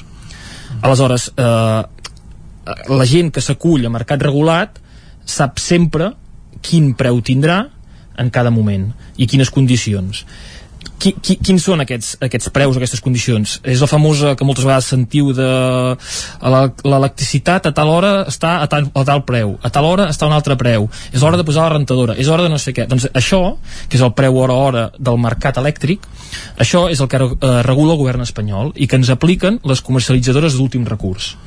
Aquestes són les més barates de totes. Per què? Perquè com que està fixat el preu per un mercat, per una subhasta, que varia hora a hora, és el preu més barat de tots. Vale? Per tant, que és el famós PVPC, preu voluntari al petit consumidor. Per tant, si anéssim a buscar el, el preu més barat de mercat, eh, sempre és la comercialitzadora d'últim recurs que t'aplica el PVPC, preu voluntari petit consumidor.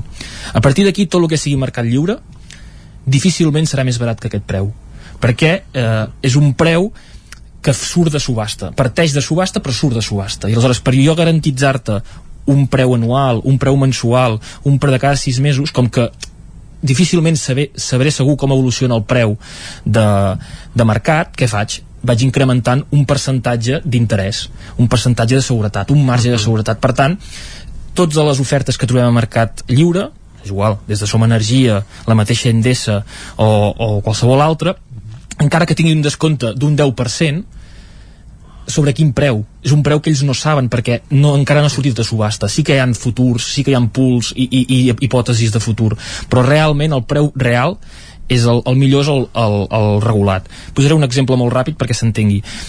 Uh, tota la gent que tenia un preu tancat amb una comercialitzadora de mercat lliure abans de la Covid pràcticament no ha gaudit de tota la baixada de preu que hi ha hagut en el, durant el Covid. Tota la gent que estava una, amb una comercialitzadora regulada uh, pel govern a causa de la caiguda del preu del mercat elèctric ha gaudit d'una bueno, baixada brutal del preu en, en la factura elèctrica perquè des del mes de gener, febrer, març, abril, etc fins a dia d'avui encara, el preu ha caigut en picat a, a causa d'oferta i la demanda. Mm -hmm. Per tant, està mercat lliure eh, sempre tindrà un preu superior que està al mercat regulat. Conclusió, no és gaire aconsellable, pel que fa a números, eh, tenir una tarifa plana, perquè ens entenguem. Eh? Sí, no és tarifa plana, eh? Perquè igualment et compten, et compten sí, sí, quilowatts hores, sí, sí. igualment et compten, et pots tenir discriminació horària, pots tenir una tarifa, però sí que el preu Um, clar, perquè jo assegurar-te el preu o un any vista, o sis mesos vista, o tres mesos vista, jo m'haig d'assegurar un marge de variació. Per tant, uh, sempre serà més car que està al mercat hora a hora.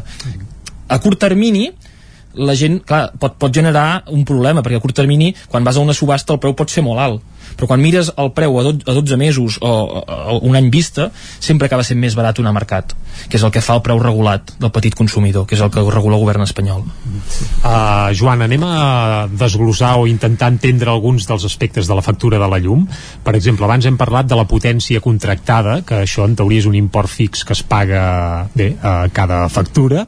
I, i hem comentat que molta gent no té la potència eh, que seria dient i que possiblement li permetria estalviar una mica el, el, la factura. Eh? Uh -huh. uh, és molt important tenir clar quina és la potència contractada que tenim i adequar-la a les nostres necessitats. Eh? Sí. A grans trets, uh, posem dos exemples. Per exemple, un pis i una casa unifamiliar convencional i un pis també, entre cometes, convencional amb veïns, per tant que no està als quatre vents i tot plegat. Quina hauria de ser la potència contractada d'aquests dos espais?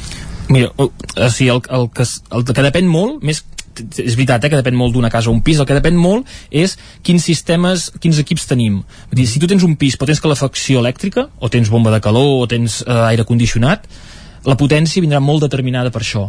O si tu tens una casa i tens una piscina, o tens un, una calefacció elèctrica també, vindrà molt determinada per això. Normalment Vicenç la, la, no té piscina, eh, Vicenç? No. no eh? la, la, la potència tipus, per exemple, per un pis, es sol dir que està entre, eh, entre 3,45, o, mm -hmm. perquè abans eren normalitzades les potències, entre 3 i 5. I una casa podria voltar entre 4 i 6. Mm -hmm. vale? Però no és un estàndard Aleshores, quina és la prova principal per saber eh, quina és la potència dient? Evidentment, hi ha molts mètodes, des d'instal·lar un analitzador de xarxa, fer venir un electricista que t'ho miri, etc. però això sempre té un cost. Uh mhm. -huh. Es sol dir que si durant l'any no t'ha caigut dos o tres cops l'ICP intern del comptador, que se'n diu, que els nous comptadors electrònics porten un ICP intern, doncs si durant dos o tres cops l'any no t'ha caigut aquest ICP és que tens un excés de potència contractada. Uh mhm. -huh. Cada quilowatt de més són uns 40 euros l'any més IVA només impostos. Que déu nhi Sí, per tant, uns 50 sí, sí. o 60 euros. I la potència tu pots contractar uh, de, de decimal en decimal més amunt o més avall o ha de ser en xifres... A, ara sí, és el ara que et comentava sí. abans. Des de fa un any, una cosa així, es va com uh, obrir i tu pots contractar 5,2. Abans hi havia unes potències normalitzades en funció de la tensió, si tenies 230 volts o 400 volts. Um, ara no, ara tu pots contractar 5,1, 5,2, 3,9 i la, la, la potència que més, més bé s'ajusta a, les teves, a, la teva, a les teves característiques de l'edifici um, si no tens una calefacció elèctrica, un aire condicionat, una piscina, uh -huh. amb 3 quilowatts, 3,4 quilowatts, eh, vas més que sobrat. Eh, vas molt bé, vaja eh, si comences a tenir eh, un aire condicionat, calefacció elèctrica, eh, piscines, etc, coses que tenen potències pic eh, elevades, després sí que val la pena eh, un electricista que ens miri amb un, amb un amperímetre, un analitzador de xarxa, per veure una mica quins són aquests pics. Però, bueno, no, no, no, no penseu que marxa gaire més de 5 kW, 6 kW. Però vaja, la prova del cotó, això que ens comentava, si durant mm. el darrer any no ens ha caigut els automàtics sí. perquè ens entenguem allò més d'un sí. parell de cops, vol sí. dir que podem rebaixar un pèl la potència sí. contractada. Sí, no són els automàtics ben bé, perquè bueno, no, no, és, perquè és, és, sí, eh? però és el comptador. Si, vosaltres, mm. eh, si el, comptador, el comptador de companyia ara mateix els nous porten un, un ICP intern, que és com un automàtic intern, que és que quan tu et passes d'aquesta potència, quan et passes un 10% o un 20%, salten aleshores tu, si has d'anar allà, baixes el teu automàtic i el tornes a pujar. Si, si això, ho has, si això ho has, ho has, no ho has fet mai, és que segurament et sobrepotència. Uh mhm. -huh. si, si ho has fet un o dos cops l'any, és correcte.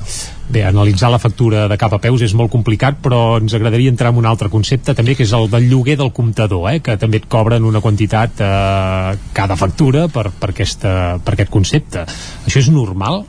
Te'l pots comprar tu, el comptador, o com funciona? Sí, jo, tu, tu pots tenir el teu comptador propi homologat, uh -huh. perquè això és una miqueta com un monopoli com dèiem abans, perquè s'han de ser uns comptadors homologats que passin unes certificacions um, quin és el problema? Que quan canvien les tarifes, que quan canvien eh, els formats, eh, després has de ser tu qui pagui aquesta renovació, aquesta modificació de comptador. Uh -huh. Aleshores, pels preus que es cobren de comptador, jo no em complicaria la vida i, i, i mantindria el de lloguer.